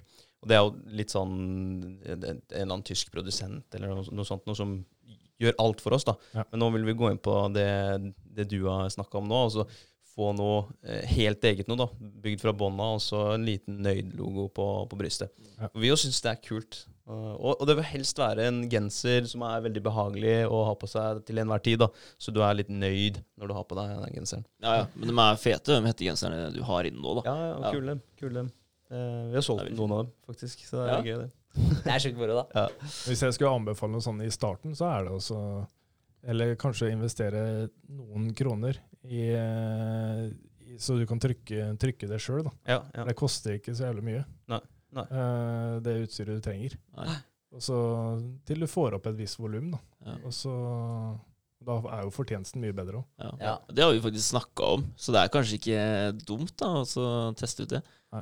Nei, men det eneste er når man skal shippe det rundt omkring, da, utlandet og sånn, så blir Ja. det jo blir ikke det mye spennende. Ja, posten i Norge Ja. er jo svindyr. Ja. ikke sant? Så det og Jeg vet ikke om du må betale noe Nei, du må kanskje bare betale toll på ting du får inn.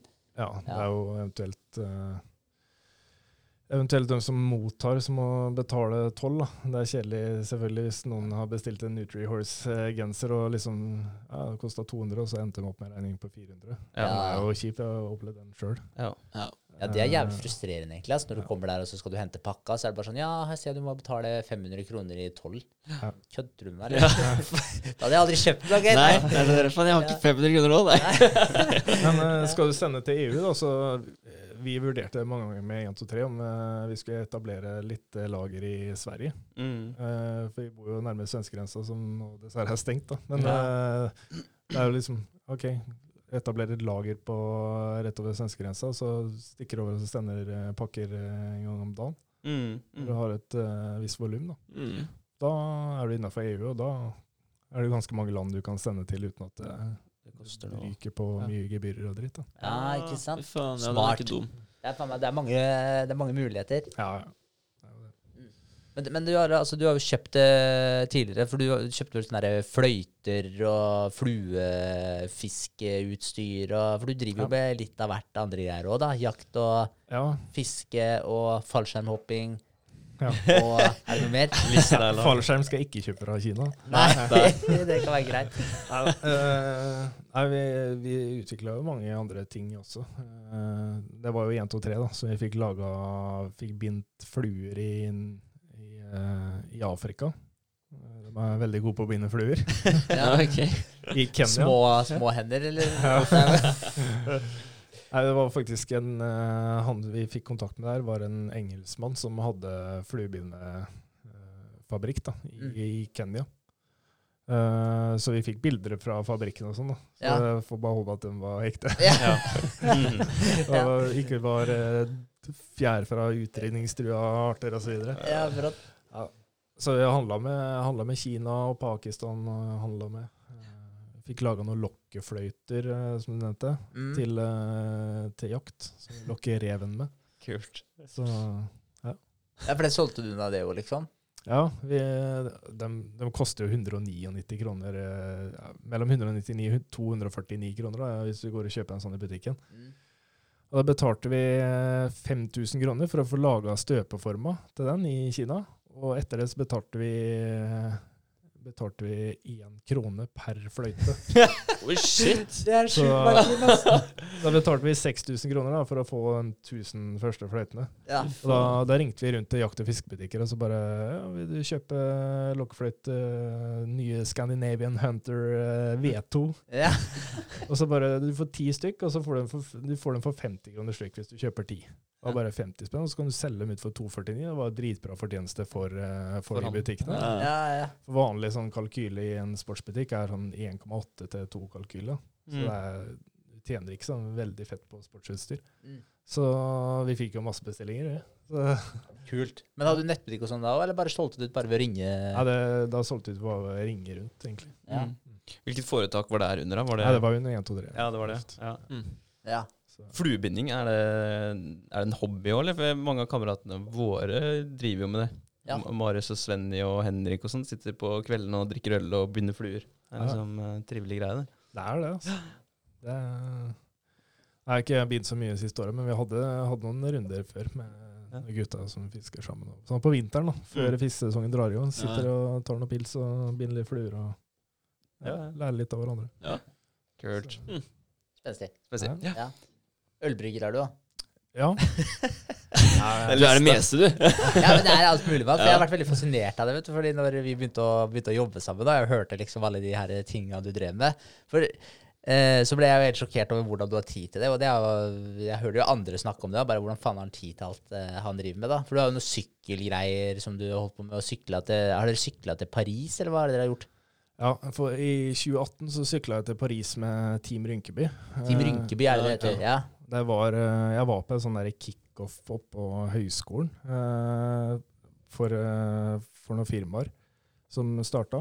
Og så var det en, en far og en sønn der som, som skulle sykle til Paris sammen. Da. Og både faren og sønnen hadde hatt eh, kreft. Mm.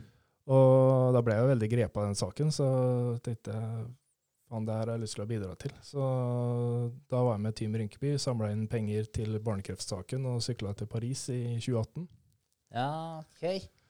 Så Det er et par mil, Ja, det. det er langt, det. Ja, det ble 100 og Vi prater jo ikke mil da når vi prater sykkel, for vi, sier kilometer, for da høres det mye mer ut. Ja, Så det ble 1300 km ned til Paris faen, ja.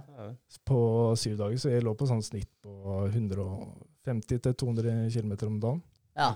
Så det var eh, lange, mange timer på, Ja, på er setet. det. Fy faen, det Ja. Gnagesår, eller hva? Ja. Ja. Altså, nei, det, det tåler jeg liksom. Jeg trenger ikke å smøre ræva. Det gikk bra i tre dager. Ja. Så var det bare apoteket, Sing salve, og så var det bare Etter hvert så blir det sånn derre ja, Du stopper på sånne vannstopp, da. Ja. Så bare er det bare ned i den der boksen med krem, og så bare ned i shortsen, og så bare er det bare smørt.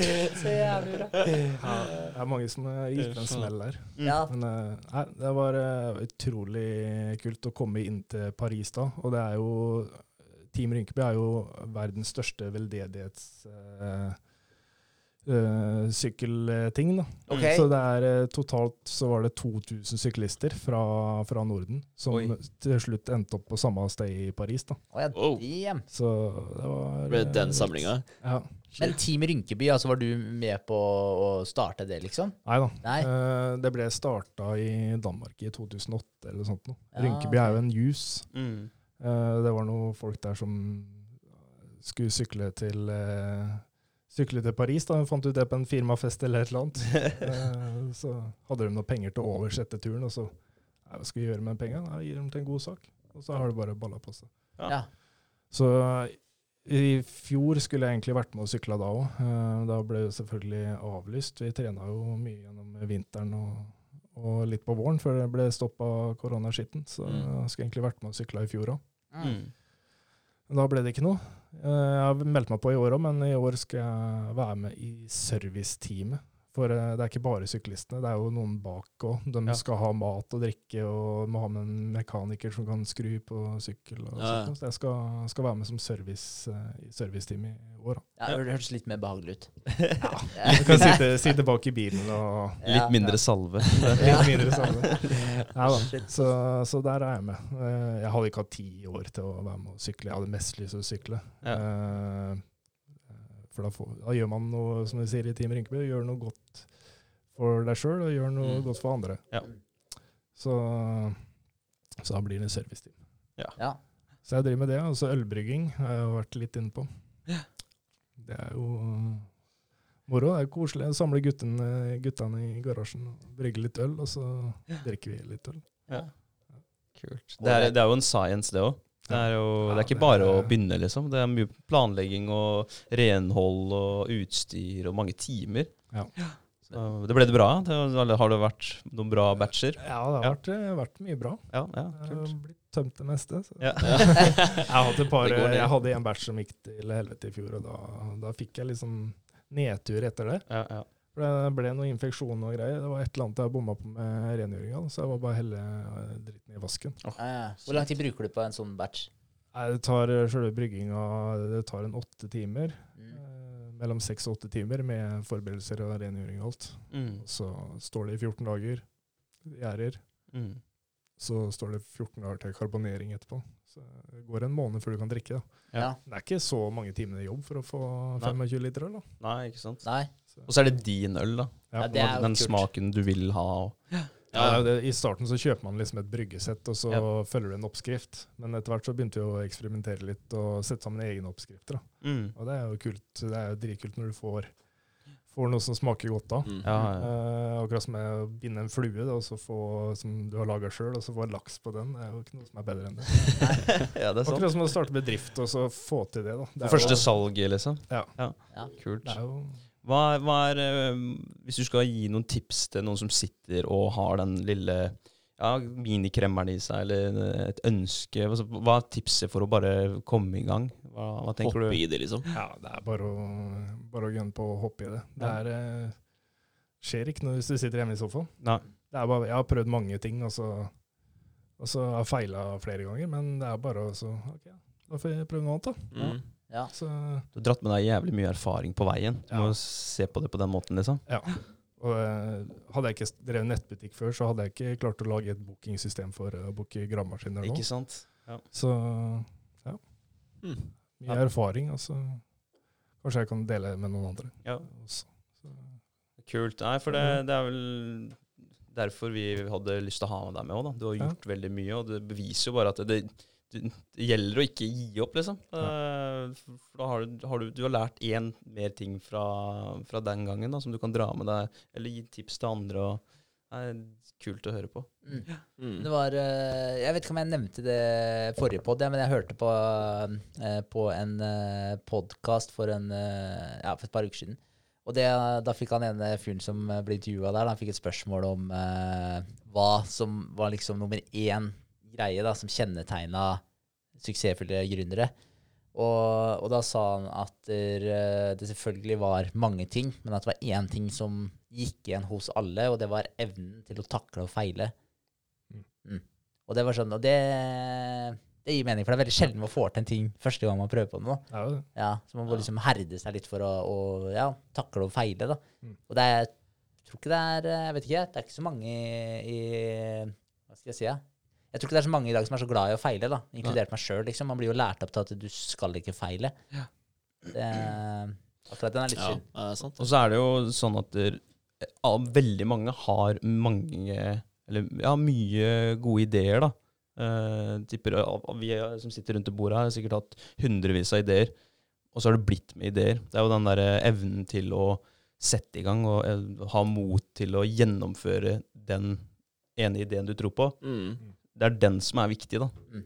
For det, det er drøssevis av ideer der ute som er supergode, men så er det ingen som tar tak i den og følger den opp, da. Ja, ja. Så nei, det er, det er stå på og tørre, som du sier, å feile. Mm.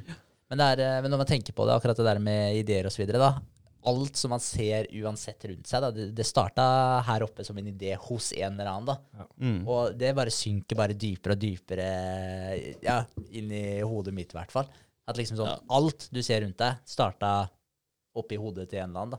Så det er det med å få det i gang. da. Mm. Fordi det fins så forbanna mange gode ideer der ute da, til uh, diverse folk, men jeg tror det er få som ja, tør å sette i gang. da. Og det er litt synd. Det er synd. Mm. Så Derfor sto det veldig respekt av at dere poppa 100 000 inn i den der eh, bilstereoen deres. Ja. Det syns jeg det er faen kult. altså. Det er jævlig kult. Hva sier eh, mor i et sånt tilfelle, når du liksom er 18 år gammel og Nei, jeg, jeg var vant til å klare meg sjøl siden jeg var Jeg flytta hjemmefra da jeg var 16. Okay, ja. Eh, Og vant til å ordne meg sjøl, så Og hun sa ikke så mye. Nei. Eh, Gjør ikke det. Eh, nå er jeg, jeg har jo en samboer da, som er uh, utrolig tålmodig. Ja. Ja. Det hadde jo ikke funka, funka uten henne. Nei. Hun bare Ja, jeg har kjøpt gravemaskin, ja. ja det, hva skal vi begynne med nå, liksom? Hva, hva blir det neste? Ja. Det er liksom, men, eh, men hun holder ut, da. Ja. Så det tar mye tid. Ja. Men, eh, nei. Det er, det er jo moro. Ja, Ja. Men, men, eh, men samboere og sånn, da, så prater dere om eh, de tinga litt på forhånd, eller kommer du bare hjem med en gravemaskin, og så Nei, han inn, og kjører vi på med det her? Altså. nei, er, jeg er ikke så jævlig god på å si, si ting på programmet. her, altså. Men, ah, nei, jeg glemte å fortelle det, men Ja. vi, Vi har et utleiefirma, da. Nei. Ja, det, er ikke, det er ikke bare det som jeg glemmer å fortelle. Det er liksom,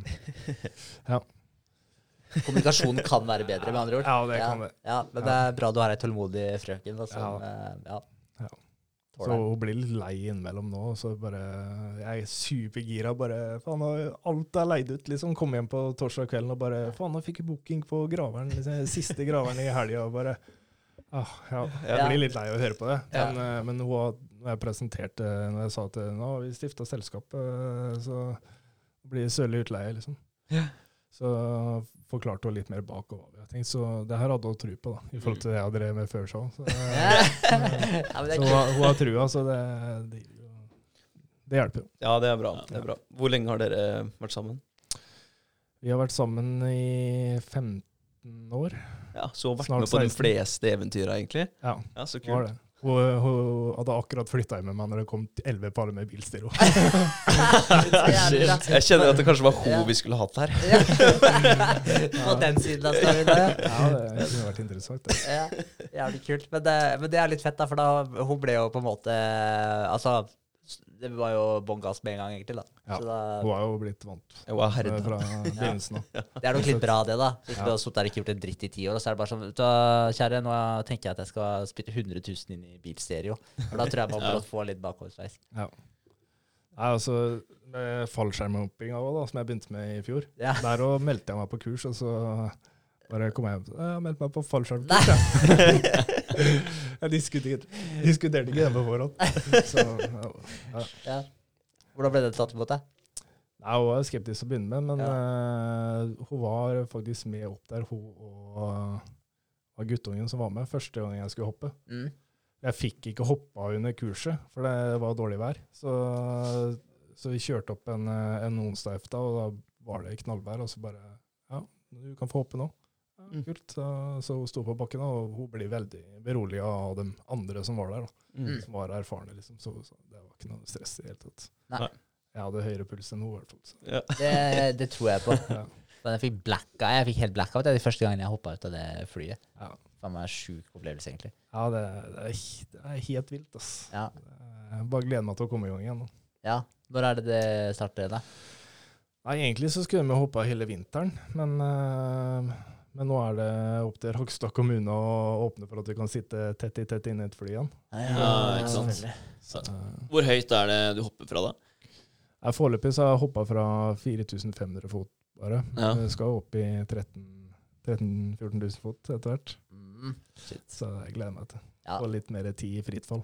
ja, kult. Men det, det er faktisk kult, for det er, eh, jeg, jeg har et skikkelig godt minne av det. Vi hoppa, jeg og Henrik Fjelle, vi tok jo fallskjermlappen Eller skulle ta den. Eh, holdt på å ta hoppa, men vi ga oss litt før. Det er en helt annen sak. Men eh, jeg har et sjukt godt minne derfra. Og det var at jeg hoppa ut eh, Det var sånn type 12 000-13 000 fot, da. Da hadde ja, rundt ett minutt fritt fall. Mm. Og da var det i solnedgangen, da. Ja. Ja, det bare lå, og det bare, du hørte bare det blafra, egentlig, og så bare så, lå du bare og så utover solnedgangen. Mm.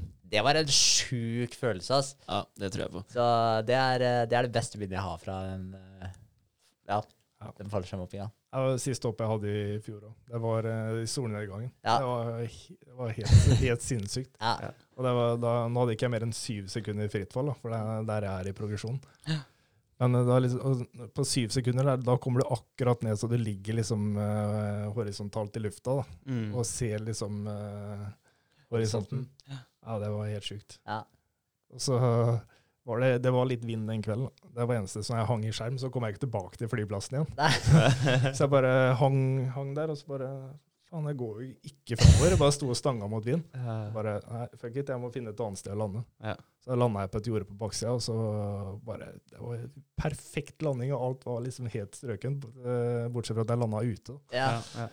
Og så lander jeg, og så bare ser jeg bak meg, så bare kommer han andre eleven som jeg har vært på kurs med, og lander akkurat samme sted som meg. Og så jeg bare Fy faen, det var deilig. Begge tatt av vinden. Ja. Nei. Det Nei, det er bare å Må jo pushe grensene litt og teste litt. Det er- Ja, det er veldig Det er sant. Ja. Det er definitivt noen grenser som blir pusha når man uh, Ja. ja, gjør det der. Det er Har dere hoppa tandem før? Nei, aldri. Ja. Jeg, jeg føler at jeg kunne heller hoppa fallskjerm enn uh, For tandem er strikk, eller? Nei, nei, Tandem da er hopper du med igjen. Ja, Det er med noen, ja. ok, Ja. ja. Mm. Nei, for jeg tenker jeg ville he mye heller hoppa i fallskjerm enn i strikk, da. Ja. Fra en bro. Ja. Ja, jeg føler at det er tryggere. For du har vel også en ekstraskjerm, har du ikke? Hvis den første ikke Ja. løser seg ut? Eller? Guttungen, Detter på, av. guttungen på, på sju år han eh, spurte meg når vi var på vei opp der liksom, Hva om fallskjermen fallskjerm ikke funker? da? Ja, da har vi en ekstra en. Ja, hva om den ikke funker? da? Nei, da da funker det ikke. Ja. Da tenker jeg litt. om også. nei da. Ja. Det, er, eh, det, er, det er veldig lite eh, ulykker med fallskjerm, eller dødsulykker. da. Ja. Det, er, eh, det er rimelig sikkert. Mm. ja, det er basehoppinga som er uh, fakt. Ja. Ja. Ja, når du er inn mot et fjell, eller hopper fra et fjell. Ja, Ja. men uh, jeg skjønte ikke alltid Eller skjønte ikke tidligere hva som egentlig gjorde at det var så ille. Jeg skjønte, ja, Du hopper fra et fjell, da, fair enough, men, uh, men greia er jo at du har ikke to fallskjermer der. Nei. Du har bare én, for du rekker ikke Feiler Ja. den, så rekker du ikke å få ut den andre uansett. Er fucked, ja. da. Så, så det er det som gjør at der, eh, Der har du ett forsøk, liksom. Ja. Men er det også noe med det at du blir på sugd inn mot veggen igjen nå? At vinden presser deg mot, eller lufta presser deg mot fjellveggen igjen? Jeg vet ikke. Nei. Ja, man har sett mange videoer av det, da. At Ja. det skjer. Ja. At de hopper ut, og så bare tar den runden og smeller inn i fjellet igjen, liksom. Ja, Ja. ikke sant. Men uh, Wingsuit òg er jo også en greie. ja, Ja, Ja. Det er sjukt. Det ser sjukt ut. faktisk. Det er sjukt. Det er, noe, det, det er noe av det merkeligste jeg har opplevd. Jeg har klatra sånn via Ferrata en gang, og så hang jeg midt i fjellveggen. Og så bare hører jeg sånn derre forbi meg. Da, så bare, Hva faen var det der for noe? Et svært jævla menneske som kommer. Ja, det er merkelig, ass. Ja, det er sjukt. Ja. Det var en kul opplevelse. Ja, ja, Han Venstre som er eh, norgesmester i wingsuit. ja, det er Ja, Remi. Damgaard. Ja, Ja. Det er det faktisk. Han Det er fikk vel tandemhopp i 50-årsgave, 50-årsgave, ja. sånn, og så Ja. nå er han liksom norgesmester i wingsuit. Ja, ja, hvor jævlig kult er ikke det, liksom? Det liksom? er sjukt. Han ble jo bare bitt av basillen. Så ja, det var sjukt artig. Jeg hadde en ekstremt eh, morsom opplevelse med han jeg tok til kurset med. Eh, eh, det var jo Henrik, da. Eh, og det var når vi drev og øvde oss på å pakke fallskjermer. Eh, for du starter jo, du lærer deg å pakke disse skjermene sjøl. Eh, og så, og da har du liksom sånn eh, noen steps, da, så da kommer det en, eh, sier du fra en instruktør, og så kommer han og ser at det ser ok ut, og så, og så det liksom, kan du fortsette, da. Og så, men vi hadde jo aldri pakka våre egne skjermer, så vi drev jo bare og øvde oss. Og så vi, tok vi den ut igjen, og så begynte vi å pakke igjen, og så tok vi den ut igjen, og så holdt vi på sånn her. Eh, og så Det her var jo mens vi da venta på at det skulle bli vår tur til å hoppe. Og så driver vi og pakker igjen sammen, da, bytter litt på det, og, og ja, til slutt uh, var det sånn at fikk Det ble ikke helt bra, da. Uh, så vi bare tenkte ja, fuck, it, bare stappa vi inn litt oppi der, da. og, så, og så bare var vi liksom ferdige å, ferdige å pakke. Uh, og så kommer han der igjen, instruktøren, så sier han ja, er dere klare for å hoppe, eller? Vi bare ja, men vi har ikke noe skjermer, da. Så sier han ja, men du kan ta den der borte, sier han til meg. Og jeg bare, ja, ok, greit. Så tok jeg den, og så sier han til fjellet, ja, du er? Sier han, nei, jeg har ikke noe skjerm. Ja, men hva med den der, da? Ja, nei, men det er vi som har pakka alle. Han bare, ja, men det går bra. For det, så bare, og fjellet, du var svelget i trynet på han bare sånn, det her er ikke bra. så, så det var så bra, for jeg så trynet til fjellet da, da vi satt i flyet på vei, jo. Hele veien så bare så du at han var pissnervøs for, for den der jævla skjermen der, da. Så når han hoppa ut, av- hoppa ut av flyet, så fikk han selvfølgelig sånn tvinn, da. Sånn Ja. snurr på, på trådene. Men, uh, så han fikk, uh, men han fikk kommet seg opp. Altså, det er veldig store skjermer. De er vel 1,80 er vel liksom størrelsen på de der elevskjermene. 1,80 til 2,10. Ja, 210 til 240 var den vi hadde. Ok, Jeg ja. hoppa med 210. ja. Så det skal mye til for at det går galt med dem, da. Så, så han fikk jo liksom tvinna seg opp igjen, da, så da var det greit. Men det er, fy faen, da lo jeg så godt, altså. Uff. Eh, Ja. Men, men altså, hvis det skulle gå helt i knyt, da, Mm. må du kutte av skjermen da og løse ut den andre? Ja. Ja. Så du må faktisk Ja. opp med kniven og begynne å skjære, liksom? Og bare, ja, nei, du har en sånn derre Ja, Ja. som du trekker, da. ja, okay, Ja, så da bare løser den ut, og da løser den andre direkte ut, da. Shit, ass. Kult. Mm. Kjekt. Men det er, eh, det er ganske spenstig. Jeg hadde en eh, close call på reservetrekk uh, ene gangen. OK? Ene hoppet. Og da hoppa jeg ut, og så Det er jo i pro progresjonen, da, så skal du øve inn noen nye ting eh, hver gang i starten. Det var første frittfallhoppet mitt, da, hvor jeg skal løse ut skjermen sjøl. Og på den første seks hoppa så blir det løst ut av en sånn line som drar ut eh, fallskjermen. Da. Ja, Som er festa i flyet, liksom? Ja. Ja. ja. Mm. Og første gang jeg skal dra ut, da, og så var jeg så fokusert på at jeg skulle trekke, så jeg glemte liksom å, å holde presten da, heter, for at du skal falle riktig. Mm. Og så når jeg løser ut skjermen, så ligger jeg på rygg. Så kommer skjermen ut mellom bena mine. Oh. Så jeg ble jo kasta rundt i seletøyet, så jeg får tvinn på seletøyet. Og han eh, instruktøren sa etterpå at jeg var sikker på at du skulle trekke reserve, men Ja. jeg, for da knøt jo linne seg litt. Jeg Ja. testa å fly og sånn, og det funka, så landa jeg igjen sånn som han var, da. Ja. Men uh, du har ikke så jævlig god tid fra 4000 fot på å bestemme deg hva du skal gjøre, da. Nei, det er For du veldig kan sant. ikke trekke reserven eh, for, på for lav høyde. Nei. Det er noen som har prøvd før. Ja. Det funker dårlig. Ja, uff. Da får ikke skjermen tid til å åpne seg. Ja, for Nei, en hard landing. Ja. ja. Wow. Så Det er spenstig. det, det gikk bra. Ja. Jeg ser man viktigheten av å øve inn i alle mulige scenarioer og hvis om dersom at eh, ting skjer. Ja. Du har og rutinene og drilla inn at det ligger, eh, ligger eh, klart. Ja, for det er faen ikke mye som skal til når du ligger i lufta der og svever. da. Det er ikke, det er ikke rare bevegelser som skal til før du begynner å liksom Snurre. svinge og snurre og ja, ja. Sitter og, og gynger og det er, altså, det, det, er, det er faen ikke mye som skal til. Så det er uh, Kan du nødprosedyren fortsatt, eller? Nødprosedert? Ja. Nei, vet du det tror jeg ikke, altså. Uh, Det, vi, jeg husker vi drilla Det var jo liksom 60-70% av kurset var å drille på nødprosedyren. ja, Se, se, ta trekk, se, ta trekk. ja. Ja, ja det er, jeg husker det er, det er for lenge siden. Altså. Altså Det er fokus på sikkerhet. Ja. Nei da, men da blir det å fortsette med det så fort det lar seg gjøre, da. Ja, det gjør det. Kult. Fett. Mm. All right. Skal vi dra gjennom eh, neste uke? Ja, vi Ja. gjør det. Kjøre på. Eh, jeg kan starte. jeg. Sånn eh, som eh, i stad, så, så er det fokus på å pushe restauranter.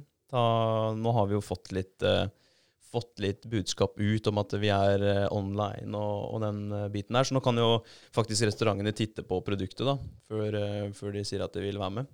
Så det, det er eh, neste uke. For det går i det og, og fiken, regnskap. Eh, samtidig som eh, jeg og Espen skal i møte på mandag med utviklere. Eh, så det blir veldig, veldig interessant å se hva de sier om de ulike funksjonene som vi har fått på tilbakemeldinger fra både brukere, og som vi har eh, lagt merke til sjøl. Ja. Mm. så da blir det, blir det det på agendaen for den uka som kommer nå. Kult. Mm. Men spørsmålet da i forhold til regnskap og sånn. Ja. Eh, ble det, både, hvordan blir det med momsgreiene for dere? Må dere paye? Ja, vi må paye. Ja. Så det, men det er ikke så vanvittig mye, da. Det er vel 30 Var det 36 000 eller noe sånt når jeg kom fram til. Ja. Så det overlever. Det lar seg gjøre. Ja. Ja. Og vi kan jo få det tilbake igjen, da. Ja, dere vi- får det tilbake. Ja, når vi runder 50. Yes. Så det, det blir nice. Kult. Eh, for meg så blir det fortsette med Instagrammen og Facebook. Få ut eh, bilder. Og så er det møte på onsdag. Mm. Mm. Eh, og jeg skal også fortsette å spørre andre om hva de mener om appen. Uh, komme med tilbakemeldinger. Så det er Så vi får ting å endre på, da, hvis det er casen. Mm. Ja. Det er vel det. Og Jeg fortsetter uka med pitchdeck. Jeg må få ferdig den. Så, og så er det jo ja, skattemeldinga da, som Mm. skal leveres sammen. eh, ja, regnskapet det er vel litt seinere at det skal leveres, eller? Ja. Eh, husker jeg ikke når datoen for det er. Det kommer litt an på uh, hva du har uh, valgt for noe. Hvis det er månedsregnskap, eller noen har jo uh, annenhver måned. Så, eller så kan du velge å ha årlig. Ja. Men hvis du tenker på årsregnskap, så er vel det i juni, tror jeg. Ja, Uh, årsregnskapet for i fjor, da. Ja, ikke sant. Mm. Mm. Det slipper jo vi, tror jeg, fordi vi er stifta i, i januar, mener jeg. Ja, ok. Ja. Ja. Så da blir det jo neste juni igjen, da. Ja. Ja. Men uh, helt til uh, slutt, Sørlig utleie, vil du pitche litt om uh, hva som kommer, og, og si hvor vi kan finne dere og sånt nå, eller? Ja, ja visst. Eh, Nei, vi, vi jobber i hvert fall med å hele tiden se litt på markedet, hva som, vi, hva som det er behov for å leie ut. Så, så vi ser etter nye produkter hele tida. Så er det noen som har noe innspill, så, så tar vi imot det. Uh, og så skal vi dra det litt videre nå og jobbe litt med, med utvikling av konseptet vårt med disse picker-pointet, Ja. uh, for å gjøre det enda enklere for kundene. Kult. Ja, for i, Så i dag så, automatisere det litt. ja, for hvordan fungerer det pickup eh, point i dag? Eh, folk bestiller på nettet. eh, vi får plinger i klokka at det har kommet en ny bestilling. Mm. Så må vi inn og sende ut en SMS manuelt Mm. eh, i det rommet. da. Så døra til det rommet åpner seg klokka sju om morgenen og låser seg ni om kvelden. Mm. Mm. Da er det free access inn der. Der er det masse utleveringsbokser eh, med kodelåser på. Eh, enkle kodelåser. Så folk, vi må inn og sende ut en SMS med nummeret til boksen produktet eh, står i, og koden. Mm. Og så henter de og leverer. Mm. Tanken er at dere, som jeg har begynt å se på, er eh, at det skal bli sendt ut en eh, SMS automatisk når eh, kunden bestiller. Eh, Da er det programmert i systemet vårt hvilke boks det produktet står i. Mm. Så får de en kode eh, som bare funker i det tidsrommet som de har leid produktet for. Da. Ja, ok. For i dag så bytter vi koder uh, Manuelt. manuelt. Ja. Så det er jo mye, mye jobb. Ja. Så jeg har kjøpt inn en sånn, eh, sånn liten sånn mini-PC, en sånn Raspberry Pi, Ja. som, eh, som jeg skal lage sånn eh, software til, da, som broren min skal hjelpe meg med. ja. Så Ja, kult. kult. Så, så det er jo kobla opp mot nettbutikken. Så da får de, tanken er at de skal få en SMS på, på telefonen automatisk, og da bare Ja. punche det på en uh, touchskjerm. Ja. Mm. Så åpner boksen seg. Så jeg Ja. har bestilt en sånn eh, lås nå, fra en elektrisk eh, lås fra, fra Kina, for å teste. Lage en prototype på det. Ah, så kult. Det er jævlig kult. Ja. Da går det av seg sjøl. Ja. Så får vi prøve å dra det videre til Sarpsborg først. Da. Ja. Og så ha et sånn pick-up point for småutstyr der. Fett. Hvor er, Eh, hvor er Sørli, og hvor er du om eh, fem år? da? Oi, fem år. Eh? Da Jeg er nok daglig leder av Sørli Utleie fortsatt. Ja. Og så har vi avdeling i, i Sarpsborg eh, og Fredrikstad. Og så tror jeg vi har kommet oss inn til Oslo, for der tror jeg det er vanvittig marked for, eh, for småutstyr. Mm. Mm.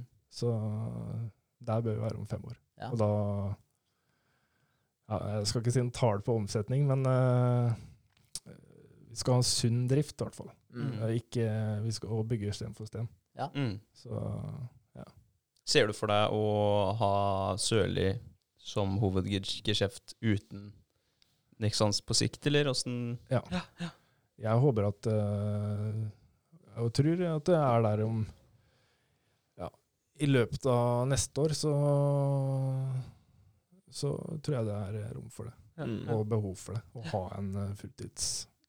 Om det blir meg, eller om det blir en av de andre, det vet jeg ikke. Nei. Det får man ta på et av styremøtene. Ja. Ja. da. Jeg er punch på å gjøre noe nytt og eget. Ja. Det er jo derfor jeg har starta med de tinga jeg har gjort tidligere òg. Jeg har Mm. lyst til å drive for meg sjøl. Mm. Eh, så, men det er det å tørre å ta steget da, fra den trygge hverdagen på Nexans. Ja. Det er å Så- liksom ta ett steg, og så når man har tatt det steget, så snart, snart må man hoppe med begge beina. Ja. Ja. Det er eh, skummelt. Ja, det er det. Det er klart det. Så, men uh, satser på å bygge en eh, god buffer eh, i år og neste år, så tror jeg det er klart for det. Mm. Men, eh, men altså, mens du er inne på det, altså det her med motivasjonen da, for, å, for å drive for deg sjøl, men hva, hva er det som er den underliggende motivasjonen? Er det bare for å liksom, Da har du den sjekka på en måte at eh, du har fått det der, det her er ditt, og det er det du holder på med, representerer deg sjøl? Eller er det den friheten det gir, eller hva, hva, hva, liksom, hva er hovedmotivasjonen din? Det er litt, eh, litt begge deler. Det er jo liksom den følelsen en får av å, å gjøre noe eh, Å bygge opp noe eget, da. Eh, det, er ikke, det er ikke det at jeg skal bli steinrik på det, liksom. Men bare kunne jobbe med noe som er bygd opp sjøl, det gir jo en egen godfølelse. Mm. Det, er sånn, det hadde ikke vært det samme om jeg hadde fått 10 millioner, eh, arva 10 millioner og så investert det og så gjort eh, penger på det, liksom. Det, her har vi jobba det opp fra bunnen av og begynt hjemme i garasjen, liksom. Mm. Det, så det gir en, gir en litt annen mening.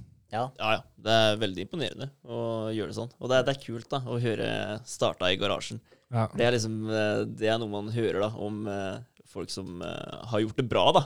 Ja, Alle de har liksom starta i garasjen, ikke sant. Ja. Jeg har hørt om Steve Jobs hjemme i garasjen. Ja. Det Apple, liksom. Det er jo, og det er mange. Det er det. Så det har vært kult det å kunne sagt det om eh, ti år. Ja. Det skal vi gjøre. Det er jo ingen grenser.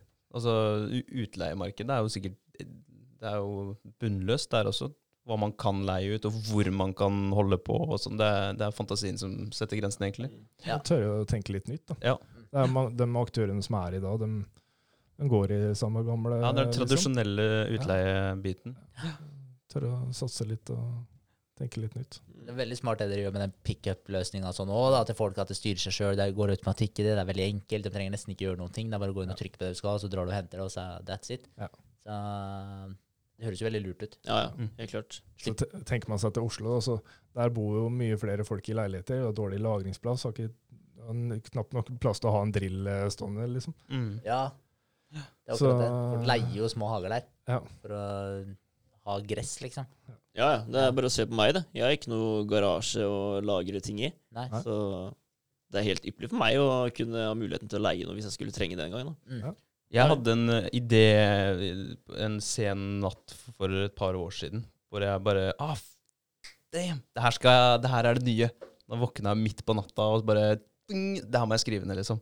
Og da var det sånn en eh, nettside eller en, eh, ja, en plattform hvor du kunne eh, som privatperson da legge ut at du hadde et vater. da Du kunne leie bort 20 kroner dagen eller noe sånt, eller sånn småtteri som ja, Istedenfor å gå og spørre naboen, så hvis ikke naboen din har, som kanskje noen andre i nærheten har, at du legger ut at det her er jeg til disposisjon. da, Bare Yes, nå har jeg det nye store. Og så søkte jeg da på dagen etterpå. Det fantes. ikke sant? Så det er jo garantert behov for eh, litt større aktører inne i Oslo også. Det er litt Ja. kult da, at det er, eh, det er flere som tenker i de banene der. da. Mm. Så, Helt klart. Mm. Definitivt. Ja, men fett. Ja. fett. Noen siste ord? Hvor finner de deg? Finner oss på Bergljalen. Mm. Der er, så er det sorliutleie.no. Der er det bare å gå inn og booke. Kult. Fett. David eh, Tovsen, tusen takk eh, for at du tok turen. Ja, Veldig tusen takk. Kult å bli invitert av dere. Ja, Eh, veldig gøy. Ja, hvordan var Dere det? er jo inspirerende alle tre. Jeg følger jo mye med på Henrik og har gjort det siden du starta. starta. Vi har jo delt litt uh, underveis. Ja, det har vært veldig Så, positivt. så det er kult å følge med på dere òg. Moro. Det, det er veldig hyggelig. Absolutt. Hvordan var det å sitte på pod? Prate? Ja, det lukt. Koselig. Ja, Trevelig. det er Kommer du tilbake om et eh, års tid, og så får du ny status på, på Sørli? Ja, det skal jeg gjøre. Herlig. Tusen eh, takk, alle sammen. Takk, eh, Vegard og Henrik. Selv takk. Yes. Bra. Hyggelig. Snakkes om en uke. Yep. Hei. Ha det.